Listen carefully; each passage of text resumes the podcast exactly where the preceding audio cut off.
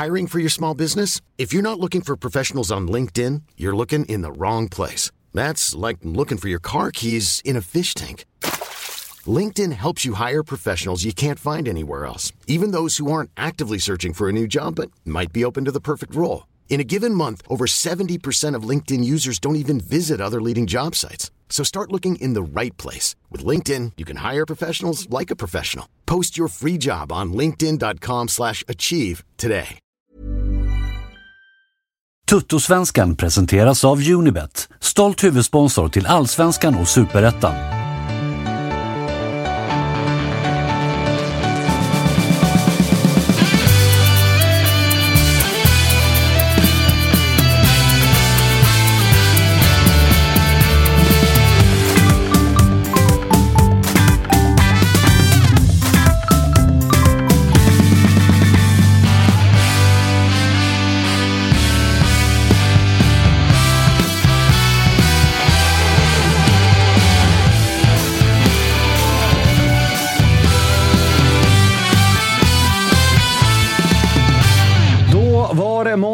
Tillbaks från de döda är Kristoffer Svanemar som återigen rattar detta program. Inte riktigt helt hundra, men nu pallar jag inte sitta på avbytarbänken längre. Kalle, du är som vanligt här. Ja, förbannat glad att se dig. Kul. Ja, Ja.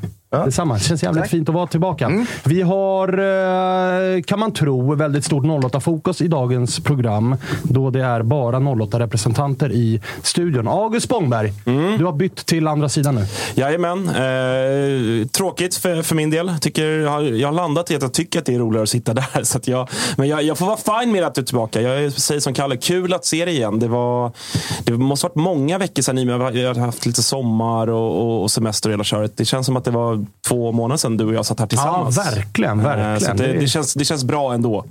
Helt okej. Eh, Glädjande också med eh, 4-0 i ryggen. Det är du inte bortskämd med. AIK gjorde fyra mål. Ja, det är, Klang och jubel. Studs Det blir i guld. dojan. Det Nu blir det guld, ja.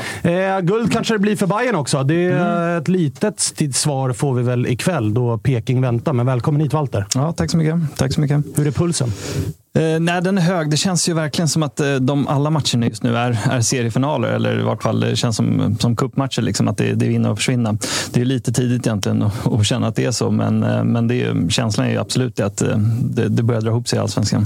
Pe- vi ska prata mer om den matchen, men Peking är ju också just nu väl alltså typ i samma kategori som Elfsborg. Tabellmässigt så tänker man ju bara det där ska vi städa av. Men man har ju också den här inneboende känslan av att det finns ju faktiskt en höjd och en kvalitet i det här laget som gör att de kan spöa vilka som helst. Ja, nej, verkligen. Nej, det, det är väldigt konstig känsla för Peking. just Det är en motståndare. Jag såg Bayern vann mot dem 2020. Det kommer jag inte ihåg, för då var de inte där. Men i övrigt så känns det som att det är en motståndare har väldigt svårt för. Även, vi mötte dem till och med i Superettan 2010 och fick stryk då också. Så det, det, det är ju lite mardrömsmotståndare för Bayern tycker jag. Så att, eh, nej, det, det, det, det är en, en ny sits i år, att, eh, som du säger, att eh, även i Elfsborg, att, att man ska behöva vara orolig för de matcherna. Eller att, det, det bör man inte vara med tanke på tabelläget. Nej, Men- exakt. Men, men- det, är inte, det är inte så här, hade det varit, alltså det finns ju lag som heter Varberg och ligger i Ja. samma del av tabellen. Då räknar man ju bara med att vinst här är ett måste. Mm. Medan Norrköping borta, det är ändå, oavsett vart de ligger i tabellen så är det ju så här, vi kan torska här. Ja, ja, med ett vanligt år som sagt, då, då hade man varit rätt nöjd med en poäng borta. Så att, eh, nej, det, det är nya tider. Ska du upp på hojen och ta dig dit? Nej, tyvärr. Jag, jag och August pratade lite om det innan här. Att eh, jag har skaffat två barn under pandemin nu. Så det, det är ganska fullt upp där hemma. Så att eh, bortaresandet har, har fått stryka lite på foten. Du skulle gjort som alla andra gjorde och skaffa husdjur istället. Det är lättare att liksom, navigera genom eh, vardagslivet då. Barn är lite tuffare. Ja, ja, jag har fått ta till mig. Mm. Eh, gör om och gör rätt, tänkte jag säga. Eh, Freddy, du var i Uppsala igår. Ja, lite lätt betongkeps idag faktiskt. Idag igen? Ja, idag igen. Ofta Det är... så när det vinns så jävla mycket hela tiden. Så det ska firas både innan, under och efter. Vet du vad jag har eh, landat i? Berätta. Att det vore kul att någon gång ha Freddy Arnesson med i Toto-svenskan i normalläge. Alltså, under, alltså sen vi började nästan så har Freddy varit antingen full eller bakfull. Alltid glad, men liksom aldrig liksom bara två plus Freddy. Nej, men det man var väl det i våras. Då var det ju två plus över hela Djurgården faktiskt. Men eh, det löste sig rätt bra efter Kalmar-förlusten där i eh, fan var det maj va? Början på maj. Sen dess har det faktiskt varit uppåt, uppåtgående trend får man säga. Mm. Hur, var, Konstant. hur var stämningen uppe i Uppsala? Imponerande mycket folk faktiskt. Det var 5500 djurgårdare på plats i, i Uppsala igår. Så att det var ju nästan som att spela på, I på hemmaplan. Ja, exakt. Nästan som att vara i Odessa. Odessa-siffror. Det är många, vissa har ju fastnat i visakontrollen, så alla kom ju inte in till Uppsala. Nej, just det. Men eh, det är otroligt eh, fint stöd igår faktiskt. Det var, jag tror det var 3000 pers på långsidan och 2000 i klacken. Så att, eh, det var jävligt god stämning igår, även innan matchen också. Så att, eh, Och lite kurr innan matchen noterade jag. Är det så? Sirius fortsätter gå från klarhet till klarhet. Alltså det, det brakar loss utav helvete där på någon gångbro i, i Uppsala. Så det, var ju, det piggade ju upp. Ja, det får man faktiskt ge Sirius. Jävlar vad de har växt de senaste åren. De har ju byggt en jävligt fin kultur på sina läktare. Så att, eh, kudos till dem. Men eh, vi sjöng ut dem rätt rejält igår. Så de hade ingen chans på läktaren och inte på den där bron heller tror jag. Ah, oavgjort. Vad har jag gjort? Kryss. 1-1. Ruskiga Nej, krysset på bron. Exakt. Eh, vi, vi, eh, vart ska vi börja? Ska vi riva av AIK-plåstret eller ska vi fortsätta på, på Djurgårdslinjen? Vad vad- vad känner ni? Nej, men AIK kan gärna få börja. kan börja med AIK.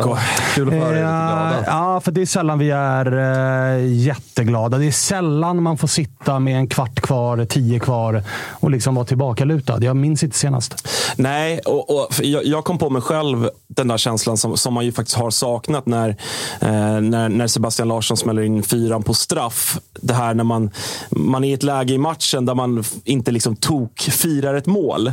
Eh, vilket så här, det kan man ju tycka låter lite deppigt, men, men då, då vet man att man leder väldigt bekvämt. Och, det, och så var det vid 4-0 igår i, ja vad det nu var, 93. Det var väl det sista som hände. Var det ett litet sånt här Olé! Ja, men nästan, nästan liksom den lite osympatiska liksom, eh, firandet. Så, så att, eh, nej, otroligt, eh, otroligt befriande och, och eh, skönt att se AIK göra mycket mål. Så det, alla hade ju räknat med att vi skulle slå Sundsvall, men, men att ändå göra fyra mål på dem, det är vi inte liksom bortskämda med i AIK-led. Eh, sen så fanns det ju saker som man fortfarande känner vissa frågetecken kring, eh, men, men allt som allt en, ändå en, liksom, en bra insats, men mot ett jävligt dåligt Sundsvall. Alltså. Ja, för att jag menar, det var ju, är det några som är, det här vet ju du Walter, men är, är det någonting Bayern faktiskt är bäst på i serien så är det ju, alltså sen omgång ett har det ju varit att bottenlagen på hemmaplan, alltså 3-0 är nästan det är två plus. Alltså det, är så här, det är godkänt, men inte mer. AIK har ju aldrig varit så. Alltså historiskt eller i år så är det så här. Varberg hemma omgång två. Ja, det är krampaktig 1-0-seger och vi får försvara sista kvarten och parkera bussen och nicka bort inlägg och vara och, och vara så. Så det har man ju verkligen. Så här, det, och det skiter i om tränaren heter Bartos eller Norling eller Andreas Alm eller vad det nu än är. Känslan är att det fanns ett par sådana år under Andreas Alm. Runt 13-14 där möjligtvis. med Nabbe, Quaison sådär. Då kändes det som att det var Ja, hade vi någon 6-0 mot 6-0 BP. Ja. och, Det är och- den och- matchen man kommer tillbaka det var, till. den, det var den jag tänkte på, absolut. Det är en gång, men jag menar Bayern har ju varit otroliga på det där. Och jag menar när Bayern spöade Degerfors med, vad blev det? 4-1? 5-1. 5-1. Till och med då var det ju så här, ja fast det var inte jättebra. Nej. Eh, och jag menar, ska Visst vi är det roligt att göra mycket mål? Nej, ibland. Ja, ibland. Ibland, ibland. Ibland. Är som August säger, vi jublade ju inte ens åt fyran. Det ju snarare så här, fan det är ju för mycket här nästan. Jag var mer frustrerad över liksom läget vi släppte till i första halvlek och sådär. Fortfarande? Att, ja, exakt. Eh, men du, eh, om vi ska gå till det då. För att jag menar, eh, 4-0 är ju 4-0. Det är Mm. stora siffror. Men det var ju en första halvlek där man satt och undrade vad är det som händer här? Ja, det, det var ju många, många som skrev det redan igår, eh, att, att AIK var riktigt svaga i första halvlek. Jag, jag frågade dig, bland annat Svanen, om fan var det så jävla dåligt? Jag ser ju inte så noga från där jag står. Eh, Men så kollade jag om matchen nu i förmiddag, så alltså, ja, första halvlek är sådär. Alltså, vi, det är inte så att Eh, alltså Sundsvall har ju två riktigt bra lägen. Ett, liksom ett hundraprocentigt läge där Engblom, där Sacco blir eh, Messi plötsligt och frispelar Engblom där, där Nordfeldt gör en jätteräddning. Eh, men sen så är det liksom, men det är en, ganska, det är en jämn och ganska avvaktande första halvlek där AIK har ganska mycket boll men har rätt svårt att skapa heta lägen. Det, det, var, det kändes lite som eh, ja, men Bartos AIK, mycket ut på kant och mycket Joe Mendes inlägg från höger som var för långa eller för dåliga. Eller liksom sådär. Eh, så att första halvlek är ju jämn. Sen så gör det ju väldigt mycket, man, man ser ju det när, när Stefanelli sen eh, gör 1-0 så ser man ju hur precis all luft, och det är ganska kort efter de har haft det här jätteläget också i Sundsvall. Och Eh, ganska kort innan pausvilan. Ja, och kort innan pausvilan. Så att liksom på något sätt någon, någon form av dubbel psykologisk smäll mot dem. Och då, då, då då ser man ju att all luft går ur dem och då känner man ju att det, nu är de tre poängen hämtade. Eh, så att, ja, men första halvlek är ju, är ju svag. Det går långsamt, det ser trögt ut. Eh, vi är extremt breda. Eh, jag vet att Erik Ring var många som snackade om att han, han låg ute vid sin kant och hade en ganska tuff match i övrigt. Eh, ändå en spelare som har visat bra, bra form på senaste, senaste tiden. Så att, eh, då, då fanns det många jävla frågetecken och man kände att ja, det blir en sån match även idag. Det blir, blir kanske 1-0 eller 2-1 och, och, och en 2 plus-insats. Men, men sen kom vi ut i andra halvlek och, och rycker upp oss rejält och är riktigt bra i perioder.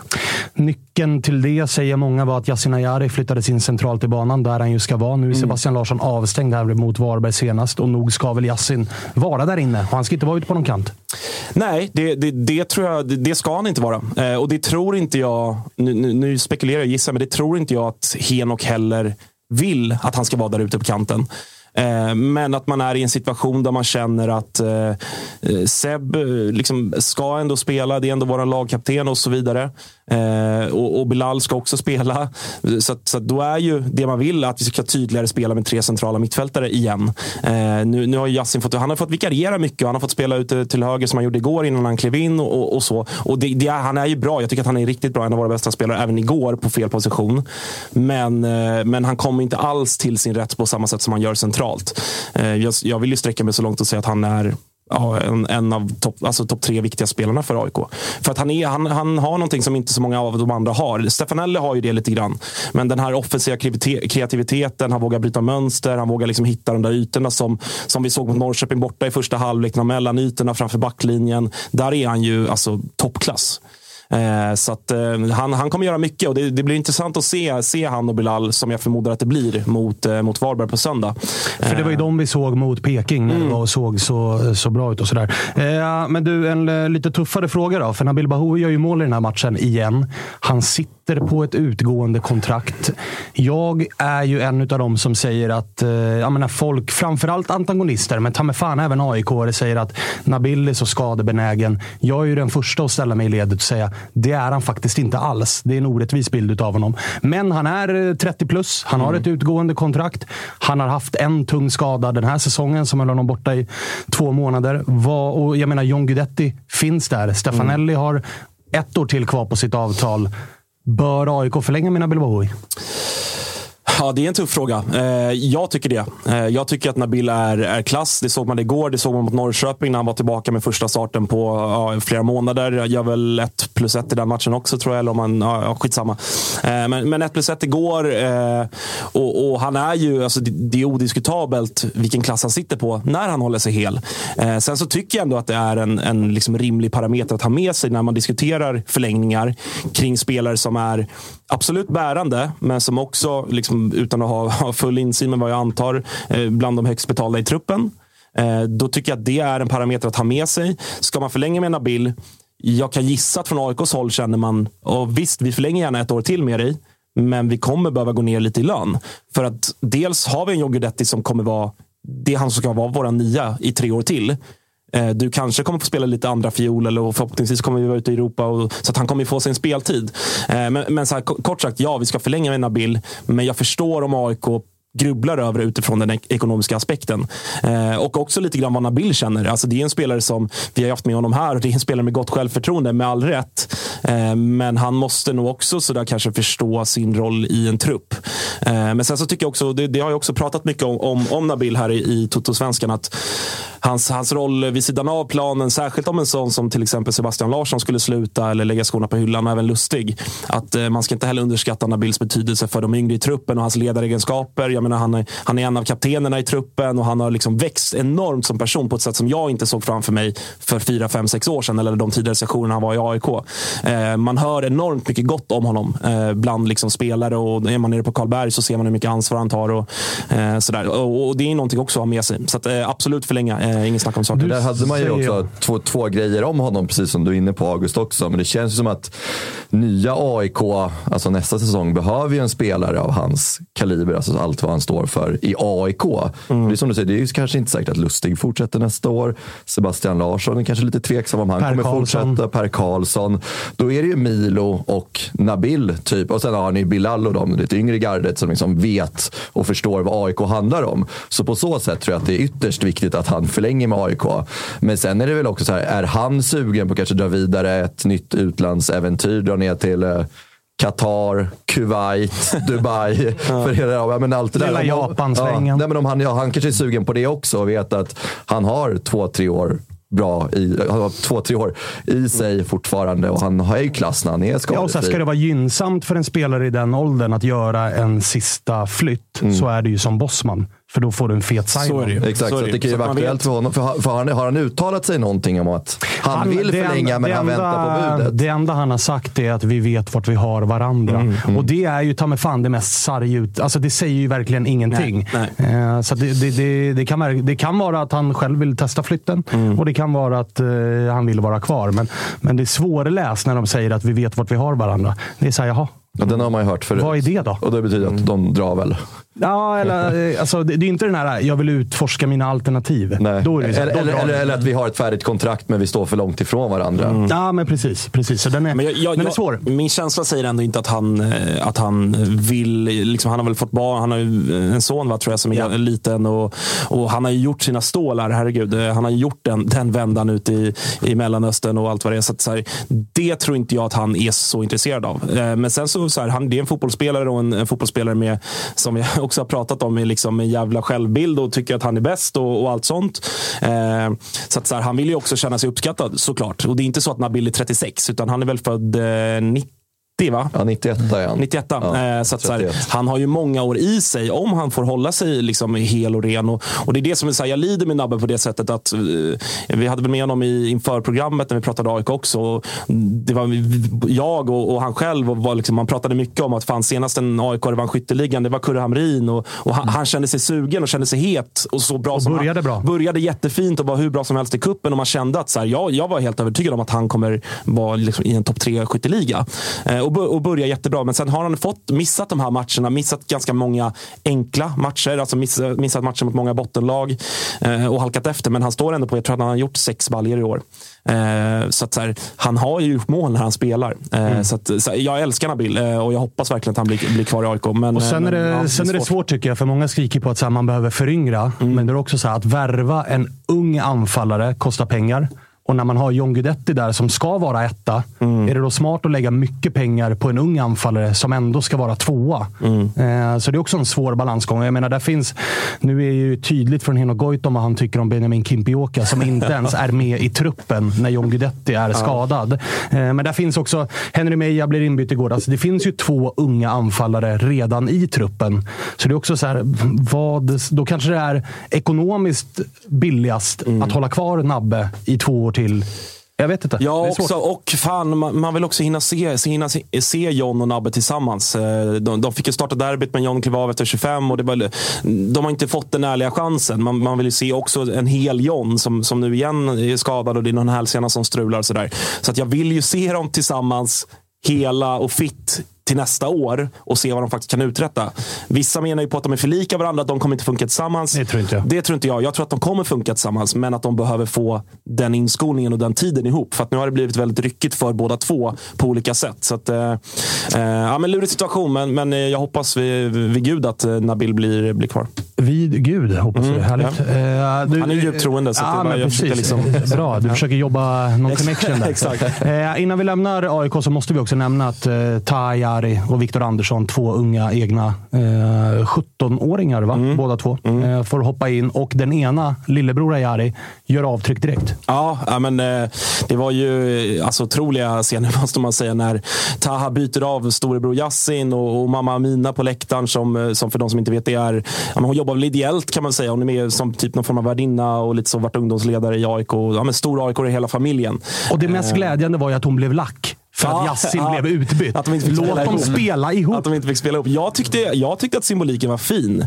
Att storebror fick gå ut och släppa in lillebror. Alltså Ja. jag, jag tyckte att det var finare faktiskt. Eh, sen så fattar ju de att det är klart att det är roligt att, att spela tillsammans.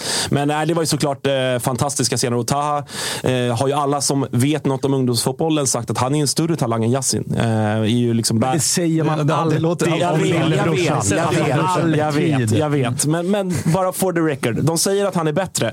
Är ju liksom ändå bärande i, sin, i sitt uh, ungdomslandslag och, och sådär. Och kommer in och fixar straffen efter, ja, vad är det, fem minuter. Eh, så att, eh, fantastiskt kul och framförallt att se Taha. Viktor, Viktor är ju en spelare som har kommit in till AIK lite senare. Man hyser inte riktigt de känslorna för honom på det sättet, mer än att det är kul för en ung spelare. Ja, Eh, han så, har ju han har ju i bakgrund i, eh, båda era klubbar, så eh, det, det ja, blir lite problematiskt på det sättet, för mig i alla fall. Sen är han säkert en, en toppenkille. Eh, men- Taha är ju född och uppvuxen i Hagalund och Exakt. gått genom Exakt. Han är våran liksom. gubbe på det sättet. Eh, Men om inte annat är väl Viktor Anderssons mamma nöjd. Hon brukar vara ute och svinga lite på Twitter att Mm. när Viktor inte får hoppa in och sådär så skandal och hej och hon, hon, lite, hon är lite yvig. Ja, det är lite... lite spretig. Ing, inga liksom jämförelser i övrigt, men det finns ju några sådana morsor i internationella fotboll. Rabios mamma har ju varit i blåsväder och, och lite sådär. Bara, en- kanske i Sveriges Lite fruar också Ja, där som ja. är ute och viftar lite ibland. Ja. En, en fråga, nu, nu har ni sett eh, nya AIK då, med, med Goitom några matcher och första matchen mot, eh, mot Norrköping, då, då har väl AIK ganska bra utdelning. Det är väl tre, de första tre avsluten så blir det mål eller något liknande. Sen har det varit derbyt, sen Europamatchen också och sen nu den här matchen. Då, då är du inne på att eh, första halvlek ser inte så jättebra ut men sen växlar upp. Vad tror ni inför hösten nu med eh, Goitoms AIK? Tror ni för det första att han är kvar eh, efter de här 60 dagarna och tror ni liksom att AIK kommer prestera som ett topp tre-lag eller kommer det liksom fortsätta vara lite mellanmjölk, 4, 5, 6?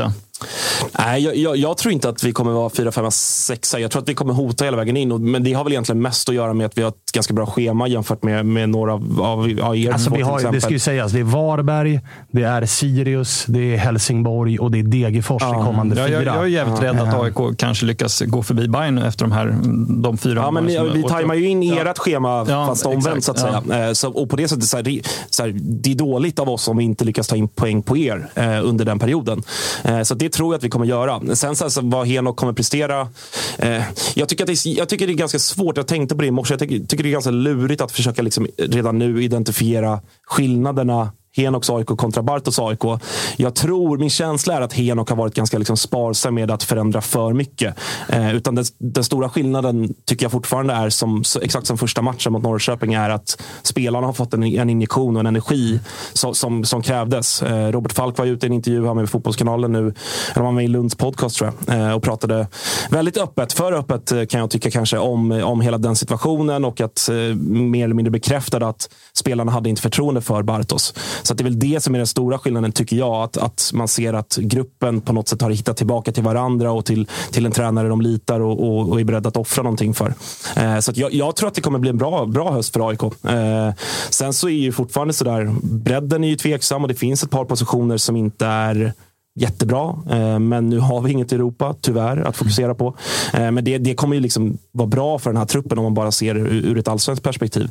Eh, Så att, jag tror att det blir en, kan bli en spännande svartgul höst. Det Faktiskt. tror jag också. Och framförallt så, så här, vi har sett förändringen spelmässigt på Henok Goitom utan att han har ju fortfarande inte fått en, en renodlad träningsvecka med laget. Det har ju varit, det har varit match, sen har det varit ledigt, sen har det varit matchförberedande träning, sen har det varit match och sen har det hållit på så sen han kom. Det är väl nu nu Varberg borta Mm. första gången Henok kliver in i en match och har liksom en träningsvecka. Mm. Tre vanliga träningar, en matchförberedande, en vilodag och så kör vi. Så det är först nu jag tycker att det ska bli... Jag har sett alla de här matcherna som har varit i ryggen mer som att liksom pussla ihop det som går, få ut ett lag, försök vinna matchen. Mm. Varberg och framåt nu, det är nu jag på riktigt kommer sätta mig och försöka hitta mönster i, så här, okej, så här vill du spela. De här mönstren vill du ha i spelet. Det här spelsättet vill du ha. Så jag är väldigt imponerad att jag har fått se det jag har fått se av Henok trots väldigt begränsad träningstid. Att vi mot eh, eh, ett utvilat Bayern vågar stå högt så länge och så ofta.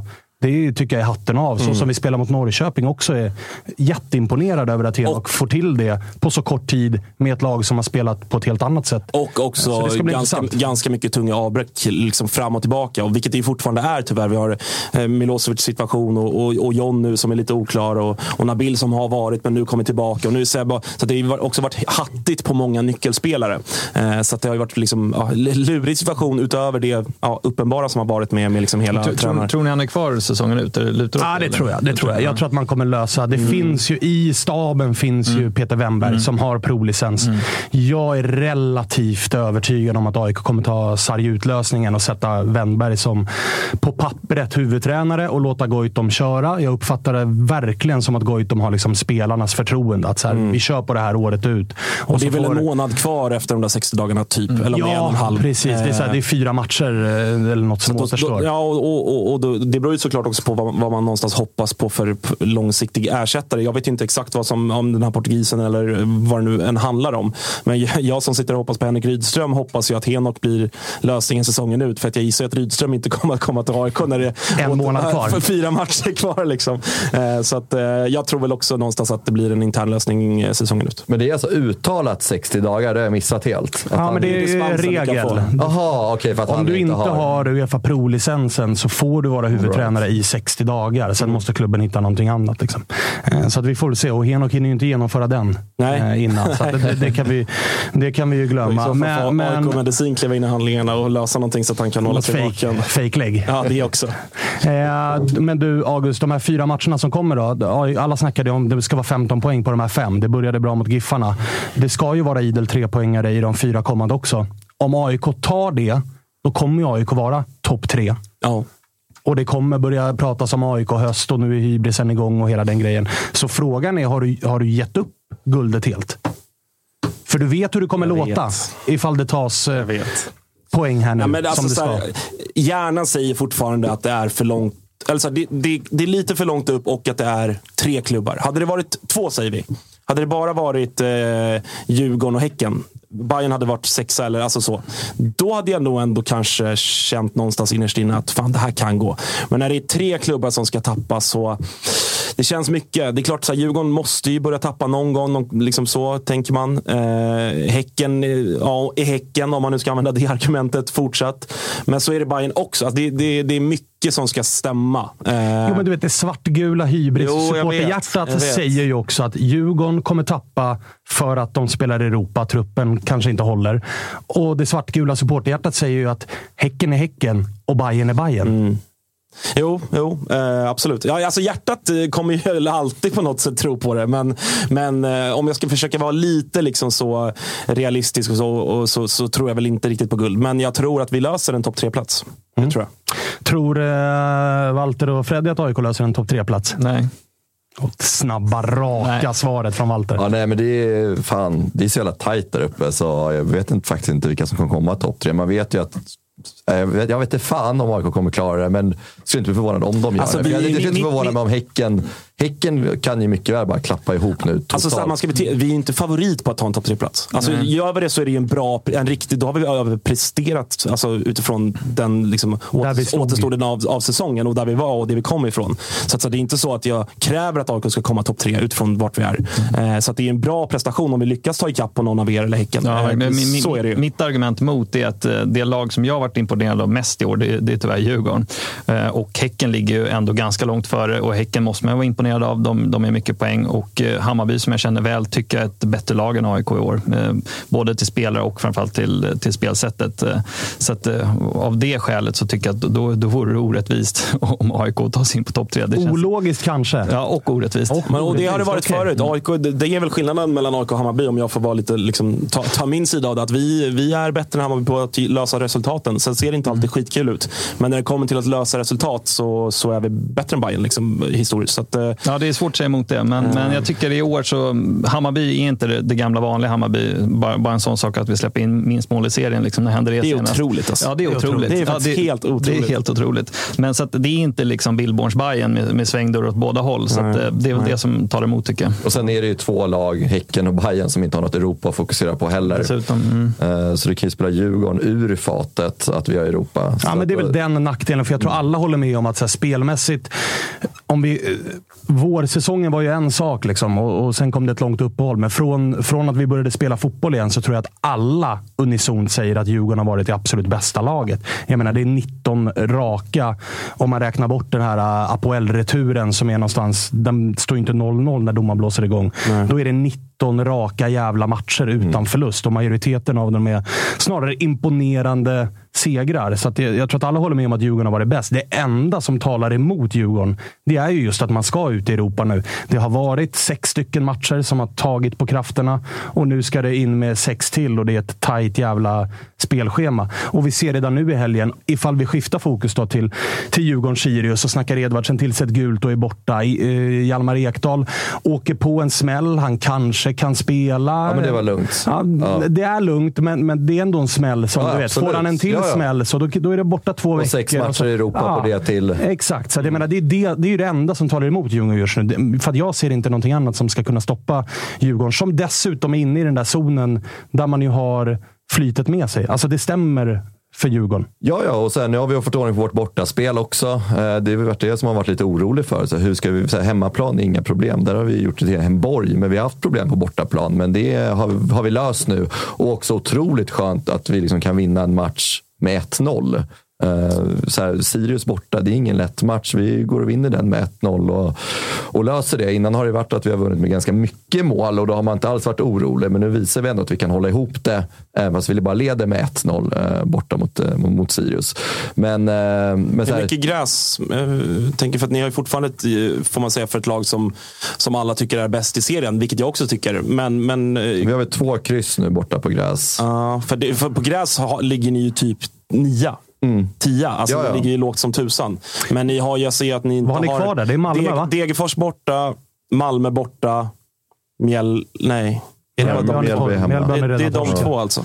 Ja, det är de två. Otroligt alltså. Så det har de också med sig. Och sen så Och sitter sen har vi löst det i Europa också. Där Ja. har vi spelat på bortaplan på gräs och där har vi vunnit matcherna. Vi vann Exakt. inte mot Apoel, men Sepsi och Rijeka. Så att, de- den, den myten kan man nog liksom ta lite hål på eh, just nu. Sen är det klart att så här, vi spelar inte på samma sätt på gräs som vi gör på, på plast. Vi är vana att spela den snabbare fotbollen och det går lite långsammare på gräset. Så att det är klart det påverkar vårt spel. Hien borta måste ju också påverka. Ja, det är såklart att det påverkar. Och det, det är fortfarande, tycker jag mig se, en ganska stor, eller lång startsträcka för Danielsson att ta sig igenom innan det är samma Danielsson som vi såg lämna allsvenskan. Absolut. Eh, och det får man ju ha respekt för såklart. Men ni är också, för man sitter ju som motståndarsupporter. Jag kan eh, slå vad om att Walter och August kände samma sak. Att så här, ni får mycket mer just nu som man får när man är ett guldlag. Man satt ju där och undrade, David Mitov Nilsson, varför står du kvar på linjen? Jag kommer ihåg när jag hade gamla fina Niklas Rönns pappa, Leffe Rönn, som målvaktstränare i AIK när jag var åtta år. Det första han lärde mig var så här, friläge, då går man ut, ur målet. Nej, Det är helt... Men också det- så här, jag- försvarsspelet Ja, från Sirius också. Det är, Ja, alla det är bara stannar upp. Wikheim kan ju i princip gå in med den där bollen i mål. Ja, men man tänkte kommer när, inte göra en när, ansträngning för när, att försöka vi, när rädda den där Wikheim bollen. får bollen och så ser man ytan på tv-bilderna. Då tänker man ju Ah, Okej, de står lågt. Alltså, det, det, det Ja, är tre gubbar är kvar. kvar. Och så bara kameran fortsätter Ja, och man och bara... så man bara, han är "Men ingen vänta, vart fan är inte han? Vart Han är, han är alltså är Mitov? fri. Ja, men de vet ju när Viking kommer i det här läget. Det är lika bra att ge upp. Nej, men, alltså, eh, det, men men var- framförallt Mitov Nilssons. Alltså det, det är Och som också, alltså, och som också kör lilla utskällningen på Ja. lagkamraten efter Vet du vem han påminner mig om? Patrik Karlgren. När, när Karlgren gjorde tvivelaktiga eh, ingripanden i AIK så skällde han alltid ut sin backlinje. Och så stod man där helt tokig på läktaren och bara, det var ju för fan ditt fel. Det var ju du som var ute och hängde tvätt. Ge fan och skälla ut dina lagkamrater. Men du, det var en ganska grinig match i övrigt där uppe. Och mycket av det verkar ju både tränare Bäckström och eh, tränarduo Kim och Tolle skylla på huvuddomare Kristoffer Karlsson som väl inte hade sin bästa dag på jobbet. Nej, och så här, om, om vi bara ska liksom prata om matchen i lite kronologisk ordning så första halvlek är ju ändå så här hyfsat lugn. Jag vet inte om Edvardsen i och för sig kanske får sitt gula i första. det är jag Ja, det är på. ju det får han. 30 minuter. Ja, Mm. eh, och där börjar ju någonstans tvivelaktigheterna i matchen från hans, eh, hans sida. Men tycker jag, om vi kollar första halvlek bara, där har ju Djurgården total kontroll. Eh, Sen var man ju väldigt nyfiken på Sirius. Så här, hade de lärt sig läxan från Tele2-matchen? Ja, för den minns vi ju att de bjöd på åtta Ja, det var mål. ju typ. så mycket mål de bjöd på. Du vet, de spelade ju runt i backlinjen och trodde de var Barcelona, men kom på att de var Sirius någonstans. Eh, så där hade de ändå gjort sin läxa. Eh, men eh, jag tycker att Djurgården, här, om man bara kollar första halvlek, att det här är en match vi kommer lösa. Så man var rätt trygg från läktarhåll. Sen så om vi tar situationen där med Edvardsen så är det ju tyvärr Karlsson som, eh, som får ta på sig den. För jag tycker att gör han vad han ska göra och ger Tim Björkström ett gult kort där, eh, då blir det ingen, då, blir, alltså, då, då då händer ju inte det andra heller. Så att där någonstans så är det ett brutalt fel av honom. Men sen är det också, Edvardsen vet ju att han ska inte gå fram och snacka. Han är ju framme säkert mm fyra gånger. Alltså, man förstår att han är irriterad första gången vi går fram och snackar, andra gången. Men tredje gången borde han ju också veta om att jag kommer få ett gult om jag fortsätter. Så där måste han ju också kunna backa. Men sen är det också vad man hör, eh, om det är i halvtid eller om det är efter matchen, att Karlsson går fram till Edvardsen och erkänner att han har gjort fel. Han var så uppspelt över hela situationen så han bara tog fram ett gult kort till Edvardsen. No, typ så. Vem sa det? Du, varför skulle det vara fel? Ja, men, alltså, Karlsson sa det till Edvardsen i spelartunneln. Att, e- enligt Edvardsens utsago så gick han fram till Edvardsen i spelartunneln. Och typ bad om ursäkt. Ja, bara sorry att jag gav dig gult. Det var inte gult, men jag har varit så uppspelt av den här situationen. Han ger gult till Bergstrand och Björkström får inte gult. Så det, Det, blir också... det är ju helt osant. Det är helt otroligt om det var så. Ja, ja, så då blir man ju också lite såhär... Alltså, Jag tycker bäst av alla uttalar sig ju Hjalmar. När han får frågan att så här, vad sa du till Edvardsen då? Nej, jag sa att han var dum i huvudet. Ja. Ja, Ja, för det, för det var ju, Edvardsen blev ju, blev ju synkad i paus av, av Dilchen på, på Discovery. Och, och han frågade ju Edvardsen, vad, vad sa du till, till Karlsson? Och då sa ju han att han bara frågade, varför får inte han gult? Typ. Mm. Och, fick, och, och så ryck- ryckte han upp det gula. Då känner man ju, också när man liksom känner karaktären Viktor Edvardsen, då känner man ju, Viktor, det var inte det enda du sa. Men, men, Varför men, fan var det inte gult? Liksom? men Ja, eh, ja, det, låter ju tro, han, och jag håller med. Åt, åt båda hållen ska sägas. Eh, Det var, han, han tappade ju- just den, det ögonblicket. Efter, ja, det var väl en halvtimme in. Så efter det var det jävla konstig nivå. Det kändes som att han ville kompensera det resten av matchen och gick och viftade till höger och vänster. Och det var nej, jävligt dålig nivå på, på Ja, men sen är det Fisai gör ju också liksom en ganska ful tackling på Ekdal. Mm. Alltså det är så här, han bara tappar matchen totalt tycker jag. Och han seglar väl upp någonstans med Klitte där på sämsta domarinsatserna i år på Djurgårdens håll. Så- Men eh, Eh, då hade den ju faktiskt kunnat bli ännu sämre för Widell Zetterströms eh, tvätthängning där på slutet när han sänker. Är det Filip Rogic han sänker? Jag minns inte riktigt om, Jag tror eh, det är vem var. Rogic. Men det är eh, absolut en situation där det kanske inte hade varit helt fel att eh, peka på straffpunkten. Det är ju en 50-50 situation att han blåser straff där. Hade han blåst straff så hade man ju varit så här, ja, kollar man på reprisen så går han ändå upp och missar bollen och eh, går, väldigt Sänker. mycket, går, går väldigt mycket på spelare. Eh, men så här, det är ju ofta det inte blir någonting av de här situationerna. Och det tycker Eh, jag är målvakterna konstigt. jävla Alltså, om, man, om man bortser från liksom mina lagsympatier och gårdagens situation. Jag tycker att det ofta är situationer i fotbollen när målvakterna sådär går ut och ska plocka. Men alltså, har helt tydligen fritt utrymme att liksom sparka någon i facet eller knä någon i ryggen. Bara för att de plockar bollen. Bara för Ja, att De kan ju inte bara- köra bara- över exakt. en, en anfallsspelare bara för det. Eller till och med missa bollen, som i det här fallet. Ja, men, alltså, men, men man får inte dem emot sig. Så att utifrån den, den, den logiken så ska det väl inte vara straff. Men jag tycker att den, den typen av situation, det är återigen att så målvakten är ju för eh, liksom, friade i fotbollen. Och men De det, helst. Jonas Eriksson sitter väl och surrar lite om den här situationen också efter matchen i studion. Och då säger han ju också att det är ju en 50-50 situation. Om domaren hade blåst straff, ingen hade klagat. Nu blåser han inte straff. Jag tror nog ändå att vissa blåränder hade klagat ifall det hade blivit straff där. Nej, men så här, om man kollar på repriserna, helt ärligt, så är det en situation där det är Ja. 50-50. Ja, men säga. men men så här, vi vet också hur skyddade målvakterna är i sitt egna straffområde och det är ingen ny förteelse att de kanske inte blåser straff för de här Nej, verkligen inte. Och jag vill vara tydlig med att säga att jag säger inte att det där är 100% straff, att Djurgården har tur som vinner matchen. Jag säger bara att när man är där uppe och man har stämmet med sig, då får man ofta, alltså då kommer ju inte signalen där. För att man är i zonen där allting bara, det tickar ens väg. Liksom. Ja, Och det gör ju, de- de alltså Djurgården vinner ju den här med offside-mål. 1-0. Liksom. Ja. Exakt, det blir, flaggan kommer upp där. Det är allsvenskan, det finns inte VAR. Det kan lika gärna vara så att den flaggan stannar nere. För det är inte så att han är offside med, med två och en halv meter. Utan liksom, Djurgården har stämmet med sig. Det är så bra lag, och bra lag har ju liksom skaffat sig rätten att ha det, det med sig. Sen så, så här, om man också ska prata lite om Djurgårdens prestation så är det ju så här, man är ju inte helt nöjd över matchen. Visst, vi går och vinner med 1-0 och det ser ganska tryggt ut, men jag tycker att det är många situationer då vi kanske tar fel beslut. Vi slår inte de genomstjärnorna vi ska göra liksom, ner till Edvardsen till exempel som kommer fri några gånger. Wikheim kom också fri några gånger på kanten då vi väljer att ta andra beslut. Så att jag tror om vi hade tagit fler rätta beslut igår så hade vi vunnit den här matchen rätt mycket mer komfortabelt än 1-0 som det blir i- igår. Min, min spaning är lite att eh, Djurgården är lite ur zonen. Inte så tillvida att eh, resultaten kommer uppenbarligen med med Elfsborg och den här matchen. Men prestationerna tycker jag inte är lika bra som man sett tidigare.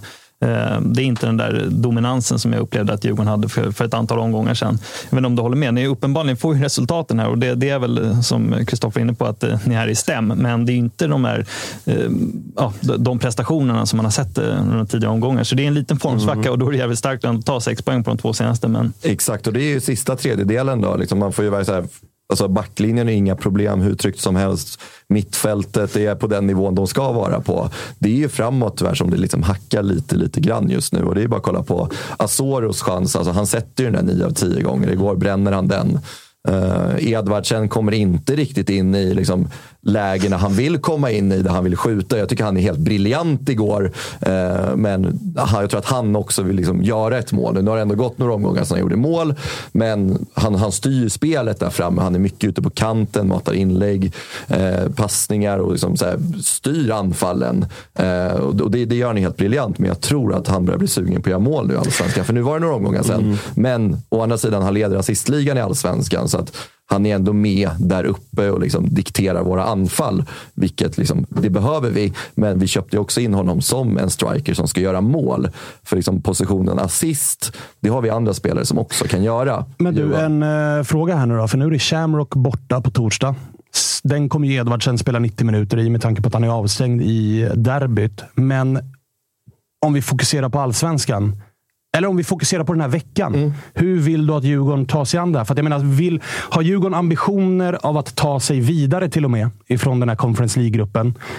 För vissa Djurgårdsportrar har ju varit så här, nu tog vi oss till gruppspel. Ställ ut B-laget i Europa. Gå för SM-guldet. Jag vet inte om Djurgården tänker så, om Kim och Tolle tänker så nu när man har fått en grupp som ändå är så här. Ja, Molde kan man slå. Mm. Shamrock kan man slå. Och då är man topp två och så tar man sig vidare och det är mer pengar in och hela den grejen. Men det väntar också ett derby i, i helgen. Hur vill du att Kim och Tolle värderar de här två matcherna? Du behöver inte dra liksom, det här är mina två startelver, men, men hur, hur tänker du?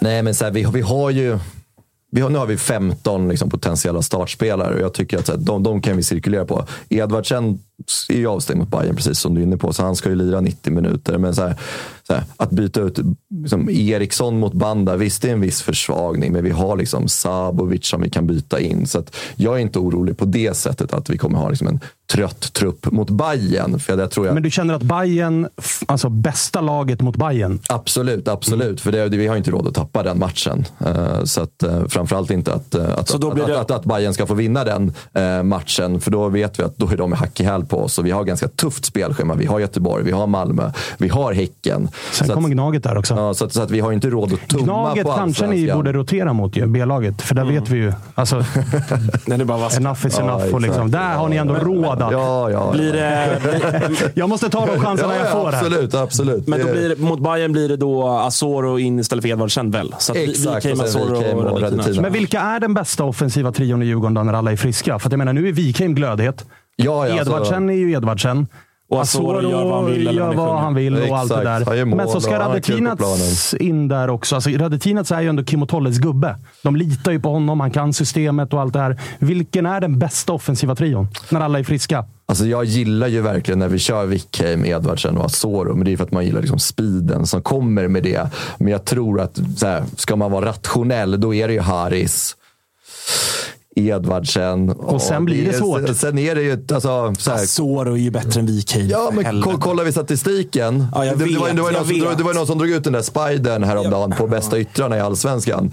Wikheim är ju... Eh... Men där var också Jeppe Ockels fyra. Alltså, Birmancevic alltså. var etta ja. och Alba jag, har, jag, jag får jag äta upp match efter match efter match efter match. Men jag tycker fortfarande inte att Gustav Wikheim är så bra. Alltså. Ja, men nu, nu han, han, det, alltså. Alltså, han är ruggig. Alltså. alltså jag, det, det, han är så jävla Nej, men han, han, han är ju det. Alltså bara så här, han personifierar ju Djurgården. Han har ju exakt den där flyten som Djurgården har. Du vet, alltså, bollen sitter ju klistrad vid fötterna på honom. Han springer förbi en backlinje. Bollen sitter klistrad på fötterna. Jag är Enormt teknisk.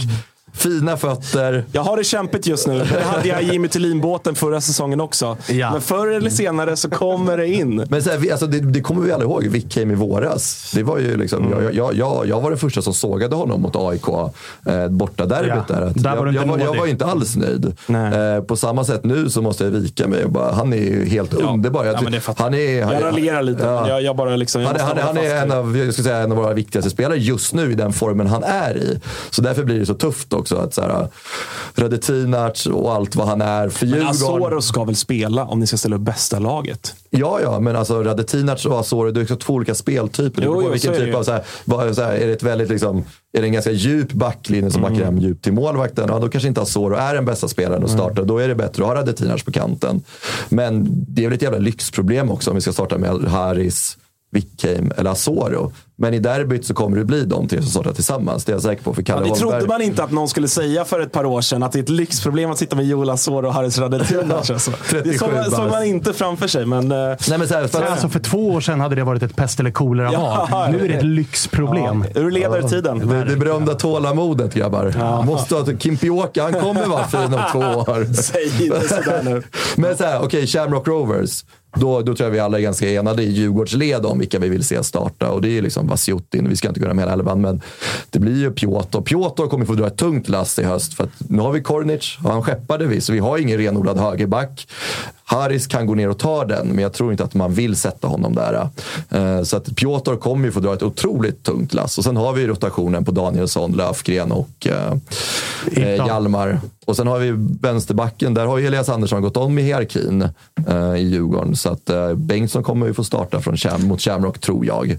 Eh, och sen mittfältet, där har vi ju liksom Besard och vi har Banda. Banda och Elias Andersson om Pierre Bengtsson ska starta. Så de kan också starta centralt. Så att, eh, jag tror att vi, vi, vi kommer lösa det- det- rotationen fint nu. Det, det är lite deppigt. Jag, jag förstår hur man resonerar som djurgårdare. Jag skulle ha nog gjort precis samma sak. Men, men som du är inne på, eh, med den här gruppen man har. Alltså det är klart målet måste vara att ta sig vidare. Och särskilt som eh, det är ändå bra pröjs också för, eh, för segrar i, i, eh, i, även i gruppspelet. Att det är fem miljoner för en seger. Va? Eh, Och det är ju, det är ju liksom en rätt bra försäljning för många, må, må, många klubbar i allsvenskan. Så att det finns mycket pengar att hämta på, på prestation bara i gruppen. Å andra men- sidan så är det ju också ett speciellt läge i allsvenskan där ett SM-guld aldrig någonsin tidigare har varit en så stor garanti. Alltså SM-guld, du är typ klar för Conference League. Mm. För du kommer få en relativt enkel motståndare i första rundan i Champions League. Den bör man ta sig förbi. Liksom. Skulle man åka ut, ja, då finns räddningsplanka. Alltså, kolla bara Malmös väg. Liksom. De hamnar i, i eh, liksom playoff mot ett eh, turkiskt mittenlag. Och det är så här, ja, torskar vi den är det ändå 35 miljoner in på kontot och gruppspelsplats i Conference League. Där vi troligtvis kommer kunna vinna åtminstone två matcher. Det är 10 millar till in.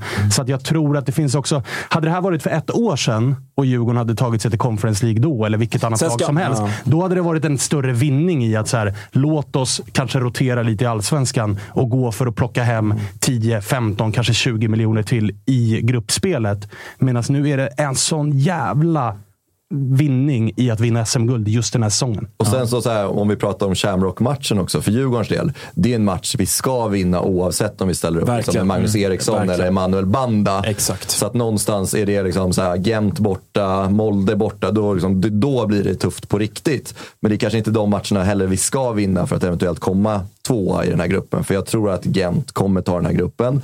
Sen ser vi Molde i helgen, 4-1 mot Boda Mm. på bortaplan. De gör det riktigt bra. Så att, eh, vi ska inte heller, alltså, det är ingen som säger att vi underskattar Molde, men då kollar vi liksom lagmässigt i den här gruppen så är det ju Molde och Gent som ska gå vidare. Så är det ju.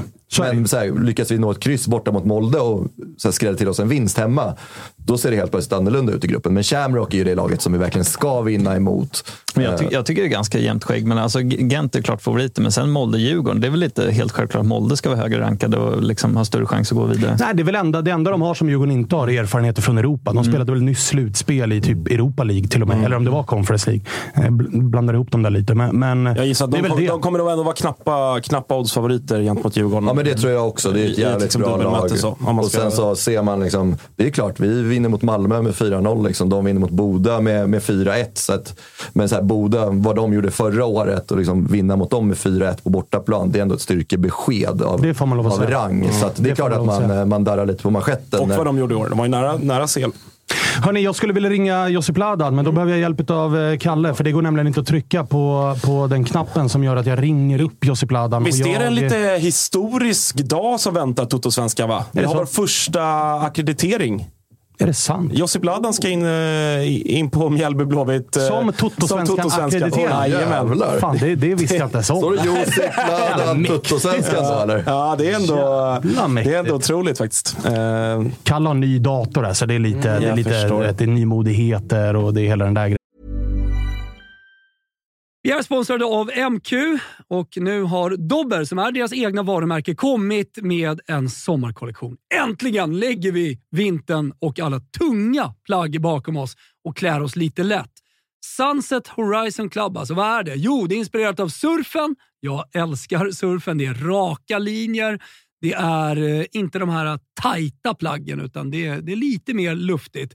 Och det kommer också i en eh, rad olika material, eller hur? Ja, men så är det. Det är ju eh, tencel, det är linne, det är lite jordiga toner eh, och eh, vad gäller plagg då så är ju de eh, knälånga stilrena shortsen såklart eh, med oss. Vi har skjortor med print och broderi samt det som jag kanske föredrar mest av det här, set i form av shorts och overshirt i liksom samma stil. Och så lite skjorta under det kanske är man redo för eh, lite kärleksfulla eh, sommarkvällar, Thomas. Mm, som ni hör, eh, det finns en hel del att kolla in i Sunset Horizon Club som alltså är Dobbers nya sommarkollektion. Glöm inte bort Tencel som alltså är mitt favoritmaterial som utmanar bomullen.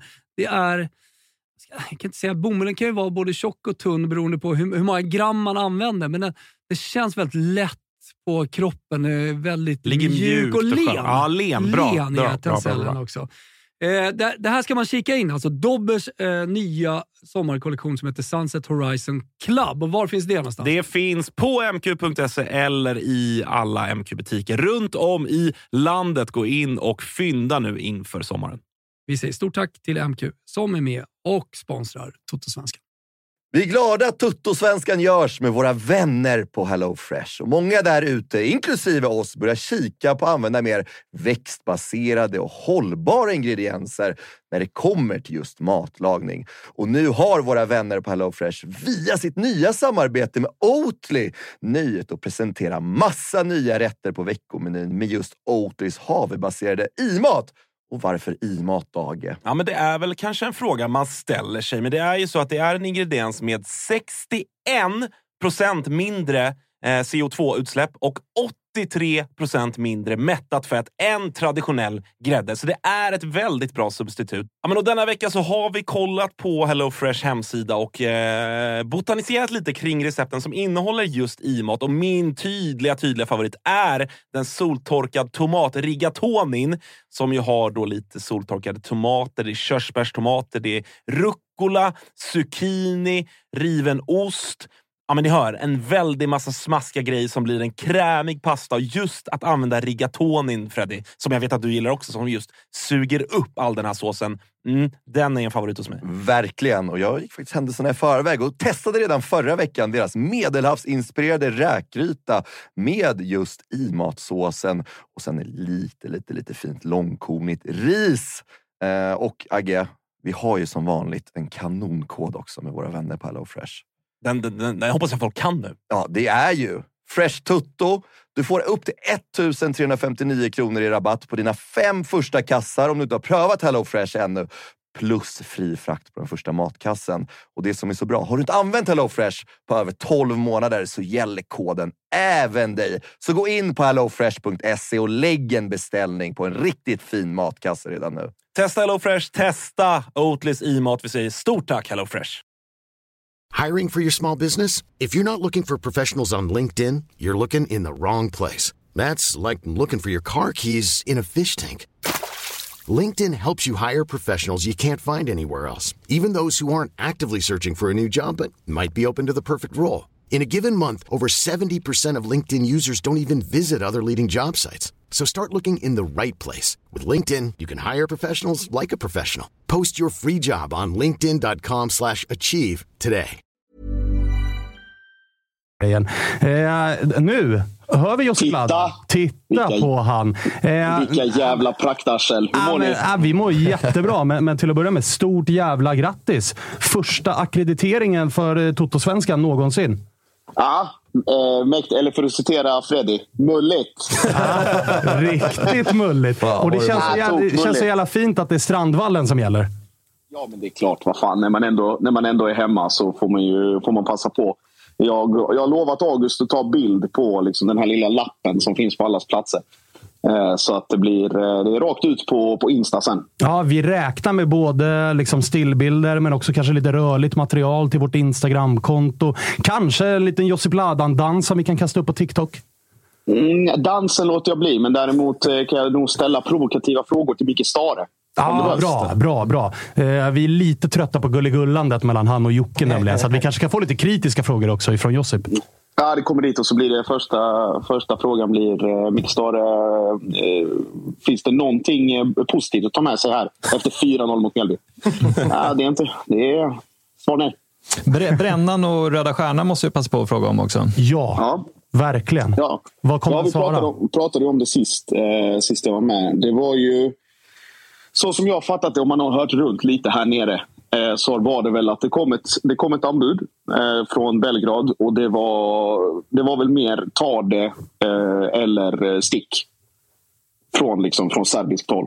Eh, och det var väl ganska, ganska bråttom med tanke på den nyheten som kom igår också. Att Bagi skulle bli att Poyas Bagi skulle ta det jobbet som, som Brännan var tilltänkt till. Eh, och då, eh, då går... Eh, då tar eller Mjällby sätter sig ner och pratar med Brännan. Eh, och säger att vi kommer tacka nej till det här för det finns ett kontrakt att respektera. Brännan säger å sin sida, om man har förstått det rätt, att ja, men det är bara ett x antal matcher kvar. Det, är liksom, det handlar inte om pengarna, det handlar om någonting. Inte om, om någonting. På den fronten, vill ni släppa mig, ja eller nej? Mjällby säger återigen nej. Och sen är den saken ur världen.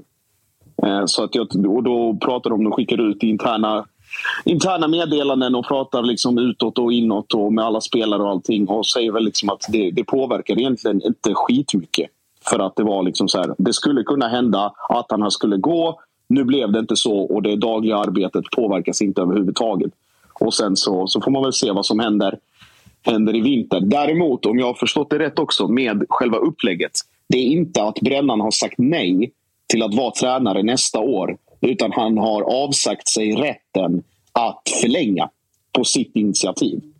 Ah, Okej. Så den möjligheten som finns kvar för, för Brännström att fortsätta vara kvar i Mjällby är att Mjällby då erbjuder honom eh, eller utnyttjar sin rätt att förlänga och säger att här, det är det här, de här villkoren som gäller nästa år. Vill du ha det så, så måste du ta det. Vill du inte så får du lämna.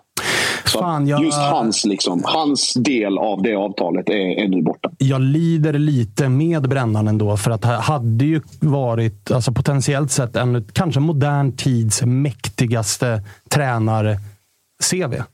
Alltså från J Södra till Hajduk Split, till Mjällby, till Röda Stjärnan.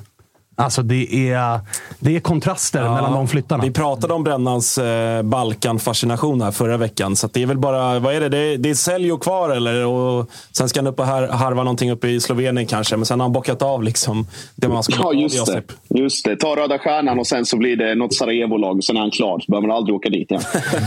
Eh, Du, men nog pratat om eh, Brännan och Röda Stjärnan och framförallt nog jävla talat om eh, Milos Milojevic och hans eh, ganska tydliga intresse för eh, svensk fotboll som vägrar att eh, släppa. Låt Ja. oss istället prata om fotbollsklubben Malmö FF. Ja, det är klart du vill det. Däremot ska jag också säga, när vi pratar om Milos, innan vi släpper det helt. Du, du var väldigt kaxig och sa att Milos out och, och hela den grejen och det var en felrekrytering och det skulle inte bli någonting. Eh, Jag vill bara påminna att när Milos gick så låg Malmö tre poäng efter tabellettan och är nu 11 poäng. Jag eh, säger inte att ersättaren till Milos på något sätt är bättre än Milos. Jag säger bara att Milos var inte rätt gubbe. Och den, den, Ja. den, den eh, sopar jag fortfarande hem. Eftersom han inte är kvar. Men du, Fri, eh, fri du, tolkning. Ja, MFF ja. MFF ja, mötte ju Elfsborg, allsvenskans formsvagaste fotbollslag. Man man fortsätter kämpa du. Det är kvartssamtal och det är torsk och det är det ena med det tredje. Och det är rubriker dagligen om... Det är ju spretiga rubriker runt Malmö FF. Det är å ena sidan är det Georgsson som är för dålig och å andra sidan så är det spelarna som är mätta. Och, och, alltså, vad fan händer? Ja du, eh, och till mångas väldigt, väldigt stora glädje så går det ju, är det ju på väg att gå käpprätt åt helvete för eh, regerande mästarna. Eh, Och det, man har ju, jag har ju lyssnat igenom lite gamla avsnitt och liksom hört vad jag själv har sagt och, och liksom fast vid, liksom, stått, slått fast vid att det kommer lösa sig och det kommer bli, bli bra. Och sen har den, den retoriken förändrats lite här något de senaste månaderna med en mätt spelargrupp och fan och hans moster och, och allt möjligt där. Och nu, nu uppdagades det väl efter Elfsborg. Jag kommer ihåg jag satt med August och Glenn sist och sa att ja, ja, det spelar ingen roll om Elfsborg torskar mot eh, Oskarshamn för att de kommer vinna mot Malmö ändå. Uh, och så blev det. Eh, så att det är väl vatten på den kvarnen i det avseendet. Men det är smärtsamt uppenbart även nu för liksom, den totala majoriteten av MFF-supportrar att någonting står inte rätt till. Eh, och om det är vissa, vissa går all in, eh, Georgsson out-vibben. Vissa går på spelarna och medan man själv försöker rikta fokus dels på spelarna såklart och, och mättnaden men det blir som en, som en hackig skiva. Liksom, att man säger samma sak hela tiden. Utan min tes är ju fortfarande att det här är styrelsens beslut.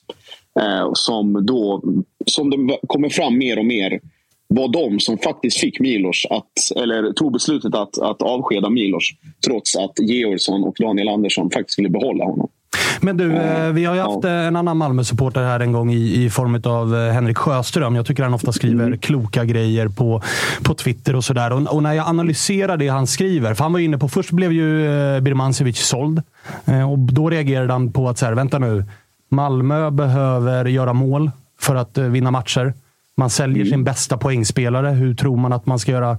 Tror man att man ska göra fler mål nu, eller vad är tanken där? Och dessutom då, så efter matchen nu mot Elfsborg så är jag inne på att så här, det börjar brinna ganska rejält på alla möjliga fronter i Malmö och att sätta Georgsson som tillförordnad tränare är bara det ett misstag och för varje vecka som går så blir det, det blir bara sämre och det kommer bli svårare och svårare att reparera detta.